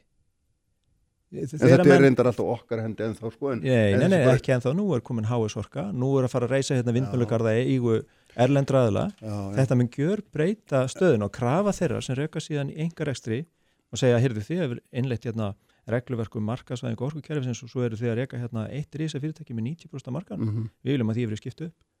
Þeir munu klaga til samkynstofnuna þeir munu stoppa landsvirkjun í öllu sem hún er að gera og segja að það séu misbetning og markarsvæðandi stöðu. Við höfum séð þetta gerast áður. Mhm. það verður mólu niður hérna, þessi stopnun svo verður um að enga vaða virkjana, það verður kemur krafa við á þjónustutilskipunum um að Mhm. bjóða út virkjunaréttin við erum komin með þetta mál inn í alveg gríðarlega vandasamt umhverfi og þetta er mikið hagsmannamál fyrir okkur að geta stýrt þessu. En ert ekki um leið þá um leið þá að segja að við þurfum að bakka út úr þeim samningi sem að gera þetta kleift sem gerir hvað kleift. Að skapa þetta umhverju, ég er að tala með samningin og alltaf umhverju Ég margt, margt gott hefur komið ekki með samningin já, já. ég tel að með því að undanskilja orkumálin mm -hmm. undanskilja Íslandi sem fjörða viðuga þá myndum við geta verið áfram í e, samningnum. En öðrum kosti ekki. Öðrum kosti mun magnastýru upp anstað og óanæði með samningin sem ég hef ágjör af munum þá verða aðal umræðefni stjórnmálumanna ég held, ég, ég held að það sé ekki gaglegt það er mörgunarverkefni sem við höfum að vera í. Mm -hmm. ég myndi bara vilja segja, reynum að halda þessu EES samningi þólalögum fyrir báðaðila og það sé gagfæmu markasagangur en við þurfum ekki að gefa forræði yfir öðlundum mm. til þess að njóta þessa markasagangs Mhm. við sagðum, sjávar öðlundi verður fyrir utan á sínum tíma, Já. það var bara reynt eins og verið það var reynt að fá það undir þetta þá var á þessum tíma þegar við gerum samningin voru orku stopna ESB ekki verið full fastmótið sem gerist með Lissabonsáttmálunum þar sem orkumál voru gerð að sko, veiga miklu uh, bandalagsmáli Mhm. og þeir ákvaða að gera þetta að orku bandalagi svo svogumst við inn í það óvart má segja með fyrst og öðrum orkupakkanum og nú er sá þriði og Í andvaraleysi þá að fjó, já, ég það myndi segja það, Já. svofandi hætti fjórði pakkin er á leiðinni og svo Mhm. fymti hefur verið bóðaður Mhm. og við verðum að segja hvenar ætlum við að stoppa Já, og það verður ekki undir að stoppa þann fjórða yfir samskynna þriða Nei, nei. En það er, þetta er náttúrulega svona grundvallar spurning að, að, að, að mér finnst það allavega að vera þannig og ég ætla að lega mér að hafa þá skoðan þetta er einhver svona grundvallar spurning um hvað við ætlum að ganga langt í alþjóðlu samstarfi. Það hlýtur að vera það sem að býr frjálsverslun uh, og allt að það baki. að, við, við hljótum að vilja gera það. All, að það er öllum góðs að versla Já, já, við erum öll saman á það. En að hvaða leiti, við ættum að Akkurat- sömu reglur allstað, það er það er já, það er óskiljanlegt að við þurfum að gera það í orkumálunum Er eða það í- fiskveiðum en það getur verið til og með varandi að, að ráftæki uppfylli ákveðin skilir sem framleitur hér og annars líkt það getur allt gert það Mhm. bara eins og hverjunni þjóð við, við þurfum ekki að vera Það getum aðilar við bara þessu. gert tvílið að þú ert bara, Já. ertu bara komin að þú skoðunum við eigum að draga okkur út úr Sko. Er ég að tólka þig of langt þá? Já, þú, þú leikur svolítið að því að, að leggja út af orðum mínum annað heldur en ég er að segja ég hef enga ástöðu Sér þess að þetta. Já, það er ekki, við erum bara að tala um þriða Já, orkupakkan já, já. og í það sem ég er að tala um er að tjá mig fyrir samtök sem heita Já. samtök, um, um, samtökin orkun okkar. Já. þau hafa enga afstöðu tekið til EES samningsins. Nei. og þar getur fólk ólíka skoðun á því. Mín skoðun er svo að ég held að við höfum að reyna að halda í þennan EES samning og undaskilja honum eh, þetta orkubandalag. Vegna þess að við séum, sjáum hvert það er að fara og hverja þarfir þessar 500 miljónar markaðar eru. Mhm. það eru gjör ólíkar okkar. Og við þurfum að haga okkar málum skynsalega í þessu gríðarlega mikilvæga máli það getum við ekki ef við flytjum inn í regluverk holt og bolt Mhm. og það er það sem við erum að reyna að vinda ofan af og við teljum að það sé bara mjög góða líku til þess að Evrópa-sambandi myndi samþykja það að veita okkur undan þá endur við á ótengt markaðum Mhm. og við sjáum ekki með hvað rökum á að kreifast þess að við innleðum hér sama regluverk og þar það er Mhm. bara, þau rök hafa ekki komið fram en ég skila hversuna Núrögu þarf að gera hann er með fjölda tenginga Já, til já, allt og, og við erum ekkert að skipta okkur á þýmáli Nei, nei, ekki eins og þeir Þeir reyna að gera eins og þeir í- því. Já, já, akkurat En hérna, svona, hérna, við þurfum að fara aðeins að, að hérna, slá botnin í þetta en sko, mér langar aðeins að svona sko, hvernig hefur upplifað þessa baróttin? Já, byrja Ekki náttúrulega hvernig upplifið það Já, ég meina, að því þú, þú hérna, talar um, um líðræði og svona, ég meina, hvað hva finnst til dæmis sko, bara sem fyrirvændi þingmann um svona áhrifamátt og, og aðgengi samtaka eins og þessara, hvert á það að vera? Ég, ég meina, ég get ekki hvart yfir því að við hefum eh, bara eh, fullt af duglegu fólki komið saman og, Mm, mm. og sett fram málinn og þetta, þetta er gríðarlegur náttúrulega að vinna einstaklingar að vinna baki brotni af ykkur hugssjón bara fyrir almann heil í landinu Eh, við okkur hefur vel tekið hér á þessum fjölmiðli fengið að tjá okkur sjónamið okkur fannst lengi vel að, að Rúf hafi bara nánast snikengi okkur, við fengum ekki að tjá okkur þar og lýsa því hvað, hvað ágjör við hefðum og hversuna mörg þúsund manns var að Mhm. safnast um þennan málstað fyrir bara núna fyrir nokkurum vikum Já. það, er- það finnst okkur skrítið Mm við höfum fengið að byrta greinar í, í fjölmjölum við höfum náttúrulega góðan ágang á samfélagsmiðlum við getum ekki kvartaðinninu Nei. og við erum ekki að því, við erum bara að segja kannski finnst okkur engild hvað þingminn hafa verið. Um, átt erfitt með að meðtaka okkur rauk nánast eins og þeir eru búin að setja þessu hausinu og allir bara keirið í gegn Mm og taka ekki raukum um, Það mætti kannski segja mjög segja ykkur líka á hinum meginn frá verðingi. Nei, við hlustum. Og við, og við tökum raukræðuna Já. Og við höfum reynd að setja þetta allt sam- saman fram með rökum, kurtislegum hætti Já. Mhm. friðsanlegum hætti við höfum ekki staðið fyrir mótmælum eða stappi, við erum með rökin okkar megin og þurfum ekki að vera með Mm. enn læti Mhm. en það eru 16.000 manns búin að skrifa undir þessa áskorun það eru sko mannsældur en komast fyrir austuvelli þetta er, þetta er, það er þungi þessari baróttu og henn er ekki logið grannlega Nei, er, og hún er, henni líkur ekki nei, með þessu orkubáð Er þessi frétta tími sem hefur verið að byrta hérna ímsar fréttir ónafgrindar, er hann ykkur tengdur eitthvað? Nei. Enga veginn? Nei. nei. Og við náttúrulega í þessu, þessari baróttu það eru mörg þúsund mann sem er í þessum mm. fylgi okkur á málum Marki á Facebook mjög svona ílskettir, orðljótir og núna síðast Báða bóa verist vera já, sjálfsagt, Það eru ákveðna reglur í, til dæmis á samskiptamilunum sem við rekum þetta er orkan okkar baróttu hópur mm, mm. það eru bara samskiptareglur sína öllum velvilja, veist, það, bara, það eru bara kurtisís reglur og þeir sem brjóta þessar reglur mm. þeim er vísað út eða, þau innleikar eru tekin út, við erum náttúrulega ekki með fólki fullir í vinnu að, að, að rítstýra þessu en við reynum að hjálpa stað við að, Mhm. að taka út það sem okkur finnst vera ómálarnulegt þegar að vera hjóli mennina, vera að fara með fleipur og annars líkt, við reynum að taka út þannig að spilli fyrir okkar málstað sem er Mhm. góður, við höfum raukin okkar megin við þurfum aldrei að beita öðrum aðferðum heldur bara góður aukstunningi mhm. Hérna, já, við sjáum hvernig það fyrir á morgun horti, hérna. Já. og svo heldur þetta áfram eins og lofar þarna. Já, já, þetta er bara eilu barátta það það er að gæta hagsmuna landsmanna í þessu efni sem öðrum Já. ég er alveg mjög hlindur alþjóðlegu samstarfi held ég bara allir allt nútíma fólk en það þýðir ekki að við um að innlega hér á Holtubort lögjöf sem er okkur óhagfælt og í EE-samninum er ákveðum það að við þurfum ekki að gera það Mm. og það fórsenda þess að hann sé sem sagt, standi stjórnarskrá er að þingi geti raun að vera sagt nei takk við lögjöf Mhm. annars er það raunin búið að mittsa lögjafaldið Mhm. og við veitum hvað það þýðir þannig að við þurfum að reyna að bjarga þessum EE-samningi og bjarga því að við getum hérna, haft stjórn á þessu máli komið í veg fyrir að hérna verður eitthvað bótakröfu frá hagsmunnaðalum sem að vilja þvinga stjórnvöld til að þykja hérna, tengingu sæstrengs. Og allt eftir þessum góðum. Það getur vel verið að það tekist ekki á morgun. Við hörum um það en við gefumstum ekkert upp. Ljómandi, takk fyrir að koma. Og hérna, við höldum áfram eftir augnablík Flósi Eiríksson verður hérna farfrangvæntstjóri í starfskræna sambandsins farið ekki land Uppspretta frétta á Sprengisandi á Bilginni. Uppspretta frétta á Sprengisandi á Bilgunni. Sælir afturlustendur, Frosti Sigur Jónsson farinn frá mér og hérna vorum að ræða þannig orkupakka, hann er auðvitað framamaður í samtökunum orkan okkar og hérna það er greinilegt að þeir láta engan bilbúið sér finna þó að það svona mál vilist nú ekki falla þeim þeirra megin á þinginu í það minnsta en ég ætla nú alveg að hérna segja skiljið þennan ágætt að pakka því að enga komið Flósi Eiríksson sem er frangatastöður í starfsgrænasambandsins, velkomin Flósi nema þú viljið sérstaklega þetta ræða. Nei, nei, nei, Nei, takk. þess nei, takk. aðra. Ná, þakkar það. Heyrði, hérna e, síðast lífum vetur þá rættu við gríðarlega mikið um kjaramál og hérna voru mikið að velta fyrir okkur eh, eða já, fólk og ég og margir aðri voru mikið að velta fyrir svona þessum nýja krafti í verkefælisreiningunni og svo e, lytta þessu öllu farsalega með lífskjara samningum en, en hérna og svona kannski minna heyrst að þessu en í sumar hefur þetta staðið yfir deila milli ykkar starfsgrunnarsambandsins og sveitafélagana og ég beði nú reynda fulltrú að sambandsískra sveitafélag að koma hérna og hitta þig og, og þau hafði ekki, hérna, vildi ekki ræða málið að þessu stíi, þetta er á viðkvæmu stíi eins og sagt er alltaf.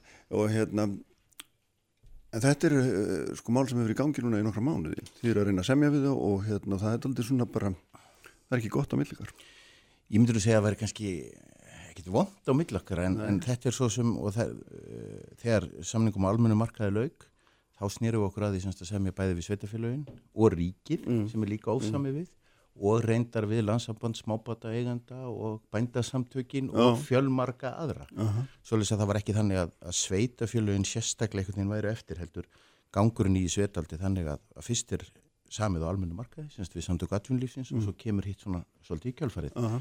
Uh, og við erum í viðræðum við alla þessa aðila.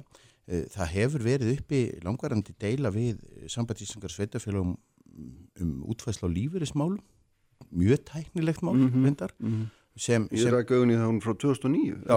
Ég held að þetta var í misritan alltaf á blæðinu Nei, nei, þetta- 2019 en þetta er rétt Já, þetta er það. Og, og, og, og, og það er svona, við hefum svona verið að skiptast mjög á skoðunum í því og ekki, ekki náð saman í því en, en, en það er komið í sagt, það er búið að vísa því til félagsdóms og, og verður bara tekið fyrir þar sem sker út um svona hluti, svolítið að það er svolítið frá og við áttum fundi í síðustu viku bæði miðugut og fymdag, samningarnum dokkar og samningarnum sveitafélagana og það er annar fundur á mándaginn á morgun klukkan mm -hmm. hálf fjögur Mhm.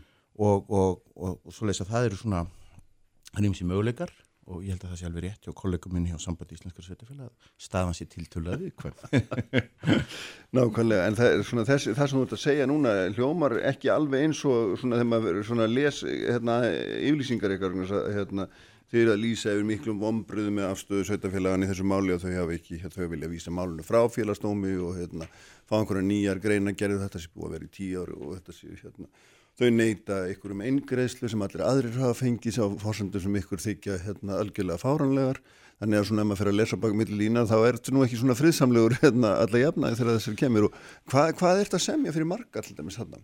Já þetta eru, sko, þetta eru starffólk á skólum, Mm. leikskólum, mötuneytum, Mm. slíku í sveitafélagum landa allt.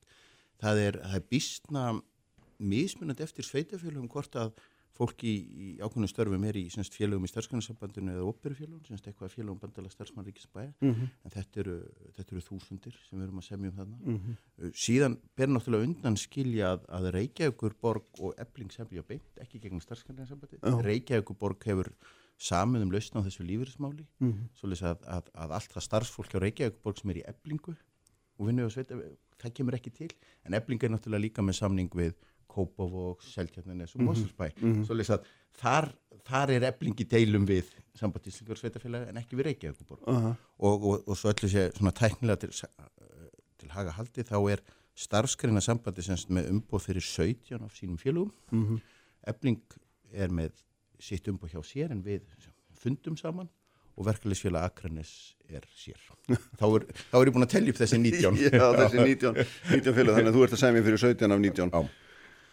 Og hérna, uh, sko, það er svona aldrei merkilegt, sko, að hérna, þannig er, er þetta að semja fyrir sína, fyrir okkar minnstu bræður, þetta er fólk á mjög lágum launum og semja við ofnbæra, sem að maður svona, myndir okkur meginn halda svona almennt talað að, hérna, væri til eða til þess að, að fylgja eftir, sko, eigin hugsun í kjærasamningunum, ekki það? Jú og, og ég held að það liggir reyndar fyrir bæði ykkur sveitafélagum og ríki að, að lífskjara samningur og þá samningur sem við skrifum myndir hérna í april hann, hann, hann svona formar þetta launahækkanir og, og, og ma- margt af því umhverfi það verður þar Mhm. og verður með svipuðum hætti en svo eru fjölmörg aðrið önnur sem er verið að ræða og, og við erum til dæmis að vinna með ríkinu og það mun smitast eða skilja til sveitafélag uh, breytingar á vinnutímanum, hvernig við getum stytt hann Mhm. og þar sérstaklega snúið við að vakt, vaktavinnu fólki og slíku. Og það eru margir flóknir þættir í því en Mhm. þetta var eitt af því sem var mikið rætt hér í, í kærasanningunum í vor og maður, maður finnur uh, þessa undirliggjandi reyfingu í samfélaginu. Já. Þar er þó ber að hafa í huga að, að uh, starfsfólk og því, er, Mm. búin til eitthvað svona óskilgrendan hóp svona, svona fólk eins og við sem vinnur svona á Já. svona, það er mjög spennt fyrir þessu og sér alls konar möguleika getur unni heima og Já. eitthvað svona Já. ef þú vinnur í fristúsinu eða í byggingavinnunni Mm. eða þú veit að vinna á hjúgrunarheimili eða svo ekki ta- haldið lengja hans fólkið í starfsgræninsambandinu Já. það er allt öðru vísi vinna og, og það sér Verður ekki unnin annar stað að þú vinnur, minna, þú, þú, þú, þú vinnur ekki á hjúgrunarheimili heima frá þér Nei. það er bara sjálfu, sjálfu leiðir þú, þú aðstóður ekki þaðan og svo framins og framins og, og, og menn þurfa á kaffetímunum sínum að halda bara minna, ég var vanlengi sem smiður þegar maður var ógíslega kallt á puttunum og gott að fara inn og setja það onni í kaffipollan Mm. áður maður hjælt áfram deginum svolítið að, að, að, að við erum að tala þar um aðra hluti. Uh, auðvitað er mann alveg kannski til í að vinna svolítið stittra en þá verðum við að vera að tryggja það að maður geti lifað á því Mhm. að maður geti lifað á því að vinna stittra og ástæðan fyrir því stundu þegar menn eru að tala um mikla yfirvinnu og hjá starfsgrunarsambandun er unnið mest yfirvinna af öllu landsambandum að sí uh, þá er það ekki bara kultúrin og svo tala menn um svona íslensku vinnukúltúr og kallarnir séu alltaf við vinnunni og Aha. vil ekki vera heima á sér og eitthvað það er ekki bara það, þeir eru að sjá fyrir þeir og þær, sér og sínum og þeir þurfa að vinna svona mikið mitt fólk Já. og ef við ætlum að stýtta vinnutíma þá þurfum við að hækka kaupið Já, akkurat. og, og það á við um sveitafélag og ríki líka en, en, en, en þannig eru við að skoða ýmsar hugmyndir Mhm, og auðvitað ef að menn uh, stitta vaktir eða slíkt þá, þá þarf meira fólk. Já, já. ef þú fækkar vöktum sem fólk vinnur eða stitti þær þá þarf fleira fólk. Já. svoleiðis að ríkin hefur kannski alltaf, ekki alltaf gengið frábærlega nýja sveitafélagunum að manna þessar stofnarnir sín mm landsbítalinn er rosalega gott dæmi sem er mjög stór vinnustæðar í okkur. Já, og það er vantar stöðut fólk til þess að hérna, Já, heyri, til þess að fylla upp í þessa tíma sem átt að spara með því að leipa hinum heim. Já, þú veit að segja mér það er það ekki? Já, ég meina það, það eru alls konar slíkir möguleikar sem, sem við þurfum að skoða svolítið. Mm -hmm. og svo eru, er náttúrulega alltaf verið að ræði í svona samningum uh, alls konar uh, sértæk mál og, og, og, og mjög mjög uh, persónubund, eða mjög, mjög nákvæm og tæknileg og, og ég ætla ég byrjaði nú í, á, í desember og það er nú sumt í þessum kjæra samningum sem ég viðkenni bara ég hef engan skilninga og við höfum til dæmis rætt mjög mikið þegar við höfum verið að tala við eða vorum að semja hérna við landsamband smábótaeganda í beitningunni, það er svona samningur um, sem, um beitningamenn fá. Og þeir eru að lengja taumana sko úr 50-80 cm og hvernig kemur það inn í kaupið? Og, og, og, og farið og fundum það skilur við Já, passaði upp á hagsmun okkar. Já, já, skilur við og auðvitað eru þess að mínir félagi starfskrifs og formin í þessum félagum þekka þetta algjörlega út og inn. En meina það er opaslega mikið að svona mjög tæknilegum aðröf sem skipta mjög miklu málu um kaup og gjör Eitt, eitt hérna áður við sem að gera eitt hérna öllulli en hérna eitt áður en við gerum það þá hérna er, er hýðu ofinbæra á endanum erfiðara í samlingum heldur en engamarkaðurinn? Já og, og nú skulum við hafa í huga það sem ég sagði áður en ég byrjaði sko já, já, í, já, í desember þeir eru ekki auðveldari þeir, uh, þeim, og þeir eru svona það er hægara tempo finnst okkur. Það eru margir fundir og, og það er svona það vantar svona stundum ákefðina í að klára þetta. Mm -hmm. og við erum búin að vera með samninga við bæði ríki og sveitafjölu lausa núna í marga, marga, marga mánuði. Og auðvitað svona finnst okkur að þurfa, þetta þurfa að fara að gerast og komast já. í gang og, og, og já, okkur finnst ég er kannski ekki erfiður að semja við það en það, það getur verið svona getur við tímafrekt og svona svolítið dutt og nutt svona, ef það segja? Það er svolítið mikið verið að horfa verkvarinn ekki nota þig Herði, við skulum gera hlið og höldum svo áfram hérna með flosa Eirísinni Sprengisandur alla sunnudaga á bylgjunni. Sprengisandur á bylgjunni alla sunnundasmórna Sælir aftur hlustendur, þá erum við hér á loka loka sprettinum, Sprengisandunum þennan sundagsmorgunni 1. september Flósi Eiríksson sem er frangandistöru starfskræna sambandsins er hérna hjá mér en þá Flósi sko hérna þú, þú kemur úr sveitistjónamálunum í Kópavóinum uh, það sem ég heiti þið nú fyrst síðan varstu lengi á KPMG og hérna og líka eitthvað hjá Íslandsstofi ef mér skjálst ekki mjög, einhver tvö ár var það ekki Já. og þarna allt annar heimur sem þú ert komin í núna því að þetta nú ertu komin hérna, inn í verkalýsfélag og það er ekki bara eitthvað verkalýsfélag heldur ertu með umboð fyrir þá sem að hérna, lögustum eða svona laka standa á vinnumarkanum og, og svona mér fannst allavega sjálfum sko síðasti veturinn gekk mjög mikið út á það að veita þessu fólki einhverja rött og það hefði einhvern veginn svona orði út undan. Og sjónamiðis fengi ekki heyrast og þau varu bara og Solveig Anna var náttúrulega mjög kröftu í þessu að tala máli láluna fólks og einhverja kannski láluna hvenna hvernig svona kom þér fyrir sjónur og hoppur þessum KPM gera það sem varst hérna einhverjum fórstöðum að viðskipta þróunar og ert að díla við alls konar hérna, kuna með alltaf annur sjónamið og svo farin í þetta þannig er heimin og hafið, það er ekki á milli Já þetta er allt öðru vísi og það var nú reynda þannig að þegar ég mætti á fyrstu samlingarnemndafundina í desember og januar þá þekkti ég fleiri atvinnurreikandar með einu mín vegin ég hef yeah. unnið með þið í kringum mjög mm. marga af þeim yeah. en, en, en og þetta er það einhverju leiti kostur að, að, að vera skilja þeirra sjóna með mm. af einhverju leiti uh, þetta kom óvænt upp á og, og ég var ekkert á leiðinni þetta. Og ég hætti í setjastjónamálum og í pólitík 2010, mm. þá lög mínu þriðja tímabili, þá var ég búin að vera í nefnd í Kópói 22-23 ár, eitthvað svona. Mm. og það færtur og það fannst mér þetta orðið ágætt.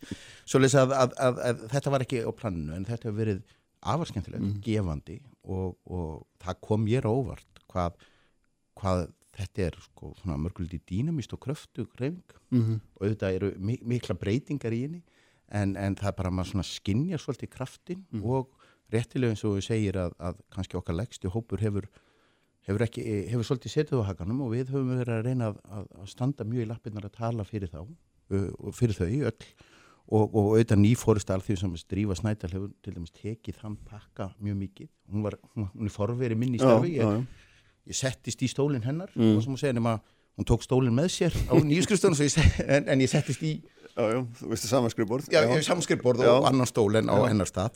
Og, og, og, og mér fannst til dæmis núna í vetur að gaman að sjá að okkur tókst að móta þetta alltaf meira umræðinu en stundum hefur verið. Og það er erfitt af því að það er svona sam, samkomulag meira að minna allra uh, álitskjafa og rítstjóra í landinu mm. að, að sko kröfur okkar í byrjun hafi sko verið hriðjuverk og glæpsamlegar mm. og þessi klikkaðir og svo framsfræðins mm -hmm. og, og það kom mér rosalega óvart hvað bara alls konar geðpríðis fólk orðalagi sem það leifi sér um fórstuminu verkefælsengunni mm -hmm. sem eru, hafa það eitt að markmið að reyna að hýfa upp kaupi hjá þessu lága lagslönaða fólki og, og bæta þau kjör og menna, núna eitthvað við miklum tími það sem ég um að lækka vexti mm. fyrir alla í landinu. Já. ekki bara fyrir okkar fólk, þeir lækka öllum og það kemur öllum til góða. Það var eitt af þessum við notum aflið til. Svo leys að, að, að það eru alls konar svona það var, það var svona umtalið og viðmótið sem mitt fórustu fólk fær. Ég var alveg hýsa og svo fekk ég svolítið að heyra En þú verður þó vel sjóaður úr pólitíkinu, var þetta verra? Ég, ég sumuleiti og, og, og, og ég satt með Gunnar Birgisinn í bæðistunni í 12 ár. Ég, ég, ég hef ímsu varnur mér finnst að þetta, þetta verða svona persónleira mm -hmm. og rætnara og mér finnst að sérstaklega uh, konur hjá okkur fá að finna mjög fyrir þessu. Drífa uh, Solveig Anna og fleiri. Mm -hmm. og, og, og svona, það er alltaf umhugsunarefni. Og, og þegar maður sér sko ég verði alveg ferlega reyður þegar ég sé sko unga jakkafetta klæta stráka í Reykjavík tala sig út um það hvernig þeir sem er að tala fyrir lálunum fólki um landallt eigi að haga sínum álflutningi eins og þeir viti eitthvað um það. Mm. og það er svona oh. veist, ég held að minn besti undirbúningu fyrir þetta starf hafi verið það að ég vann hjá vegagerðin í brúin í sjösömur oh það hefur verið fyrir utan margt annað sem ég hef gert þá það mörgulegt verið bestu undirbúningur. en, en sko hérna ef, ef, ef þú hugsaður eins um kúnana sem þú hafið hjá KPNG og svo hérna skjólstæðingaði núna umbjóðundur þína Vinna, er einhver skilningur hann á milli? Já, já, þetta er, heil, er aldrei skilningur hann á milli og, og, og til dæmis mitt fólk í starfsgrunnsambandunum það er opaslega nálagt atvinnlífun mm -hmm. það skinnjar mjög stert þegar það gengur verð það, menna, núna þegar það var ekki loðna við lesum um það í hagtölum hér að það hef ekki veið slóðna allir þeir sem búa á Eskifyrði eða á Höfn eða á Þórsöfn eða það sem eru bræðslur, þeir finna það bara í byttunum sinni daginn og eftir. Þeir eru miklu ná, nær atvinnulífin á mörgu leiti en, mm. en, en, en margir aðrir og auðvitað fullt af atvinnureikundu sem, sem gera sér alveg grein fyrir alls konar, menn ákvaða kaup, þeir vita hvaða kaupir að borga, vonandi og þeir gera sér alveg grein fyrir hvernig er að lífa að því. Mér fannst aftur á móti kannski skilningsleysi eða svona vakstaverkinni vera mestir í ferðarþjónustinni mm. Eh, þar eru náttúrulega fullt af ágætum félugum og fyrirtækjum sem standa sér vel en það er líka heilmikið af skúrkum og við höfum svo sem dreyið það fram núni í, í launaþjófnaðar skýslu alþjóðsambansins að launaþjófnaðarinn er mestur þar og það stafar að því að þar eru þeir sem eru veikasti fyrir, það eru útlendingar, mm. það eru ungt fólk mm. og, og atvinnurreikundur eru nýðast á þeim mm. og í sömum þeirra og ég ætla bara að segja það, þetta er ekki nærri nærri allir, nei, í sömum þeirra þá finnst þeim eiginlega að hafa rétt á því einhvern veginn mm -hmm. og þá heyrir þessi gömlu rögum að það sé nú fullgótt handa þessum útlendingum þeir séu með meira kaup hér en, en, en þeir myndi fá heima hjá sér og svo framvegis og framvegis, mm -hmm. og, og loka vörninn hjá þeim er síðan alltaf kjara samningarnir séu svo flóknir. Þeir eru gert mistök. Þeir eru hýrudraga fólk. Mm -hmm. það eru óvart, þeir eru gert mistök. Og mér finnst að tventi því mjög mikið umhugsunarefni. Við höfum ekki enþá séð neyn mistök sem hann hafa gert sem hafa verið launþegunum í hag. Alltaf þegar maður gera mistök í kjærasanningnum mm. þá bytnar það á, á launamanninum. -huh. Og hitt er það að ef maður get ekki farið eftir íslenskum kjærasanningum eða fengið leiðbynningar um þá og þeir eru ekkert sérstaklega flóknir og við sverum fullt af fyrir spurningum í því félagum allt í kringu landi og hverjum degi þá eiga mann ekki verið rekstri mm. þá ráðar mann bara ekki við það að reða, reka fyrirtæki ef maður get ekki skilið íslenskan kjærasanning mm -hmm. og þá er mann bara að finna sér eitthvað Nú er einhver samúð með einirkja sem að hérna er 24 eh, tímar sólringa hérna, reyna að reyka sitt fyrirtæki halda sinni fjölskyldu gangandi og þar svo að lesi við kjærasamninga og gerir einhverja eh, hérna, einhver dellu í því. Ég meina, stundum er einhver heðileg mistök þá, höf, og, þegar það kemur og við höfum Verðum við ekki almennt að ætla fólki það að það sé þannig? Jú, jú, Ertu svo tortryggin að halda svo sé? Nei, nei, ég er ekki svo tortryggin og þá, og þá er það svoleiðis að þegar við segjum þetta voru hérna mistök og þá segjum við, ok, hvernig við gerum þetta og svo lagfæra með það Mhm. og, og það er fullt af slíkum dæmum og, og þeir fara aldrei í fjölmennu náttúrulega og við bara leysum úr hlutunum Mm. og við, menna, samtök atvinnulífsins aðstofasveinu, menn við aðstofum fólk mikið og erum reynar að, reyna að þá verðum við konum með á, á vefinu okkur reiknivél, það sem allir geta bara reiknað þetta út, Mhm. hvernig segir bara ég vann svona marga tíma, ég er á þessum kjærasamningi, þú veist, og þá sjáur hvernig launaseðilin sé, Já, já. svo við erum að reyna að gera þetta Já. Þe en, en svo er bara fullt af fólki sem hefur engan áhuga á þessu eða sinnir sig eða ætlar að komast upp með og auðvitað er, er, er einbeittu brotavilji hjá sum Mm. og, og svo tengist það náttúrulega kennitöluflakkinu og öllu því og það er þessi hópur sem við og ætlum að reyna að taka betur á og, og erum að vonast til að við fáum samtöku aðtunlýfsins með okkur í. Mm, mm. og minna eitt af þessum svona það er alltaf nóga verkefnum og skemmtilegt að það hefur verið að benda okkur á það núna fleiri og fleiri og byrjaði í Norður landi hjá framsýn að, að starfsfólki veiðuhúsum það sé stundum ekki rétt hvernig kaup og kjör eru þar aðbúnaður vinnutím og slíkt. Svolítið að við höfum ákveða að skoða það betur og teljum okkur að hafa raukstuta ástæði til þess. Við ætlum ekki að dæma neitt fyrirfram svo við erum búin að óska eftir upplýsingum frá landsabæti veðfélag um hvernig þessu sé áttað Mhm. Uh, þeir töldu sig ekki eiga velta því fyrir sér eða gætu ekki svara því. Svolítið að ég gerir það fyrir að næsta skrifa okkar sé að óska eftir því frá veiðuhúsum landsins Já. eða, eða veiðifélónum sem leiðaði út. Mhm. uh, þarna er örgulega ímislegt sem má betur fara.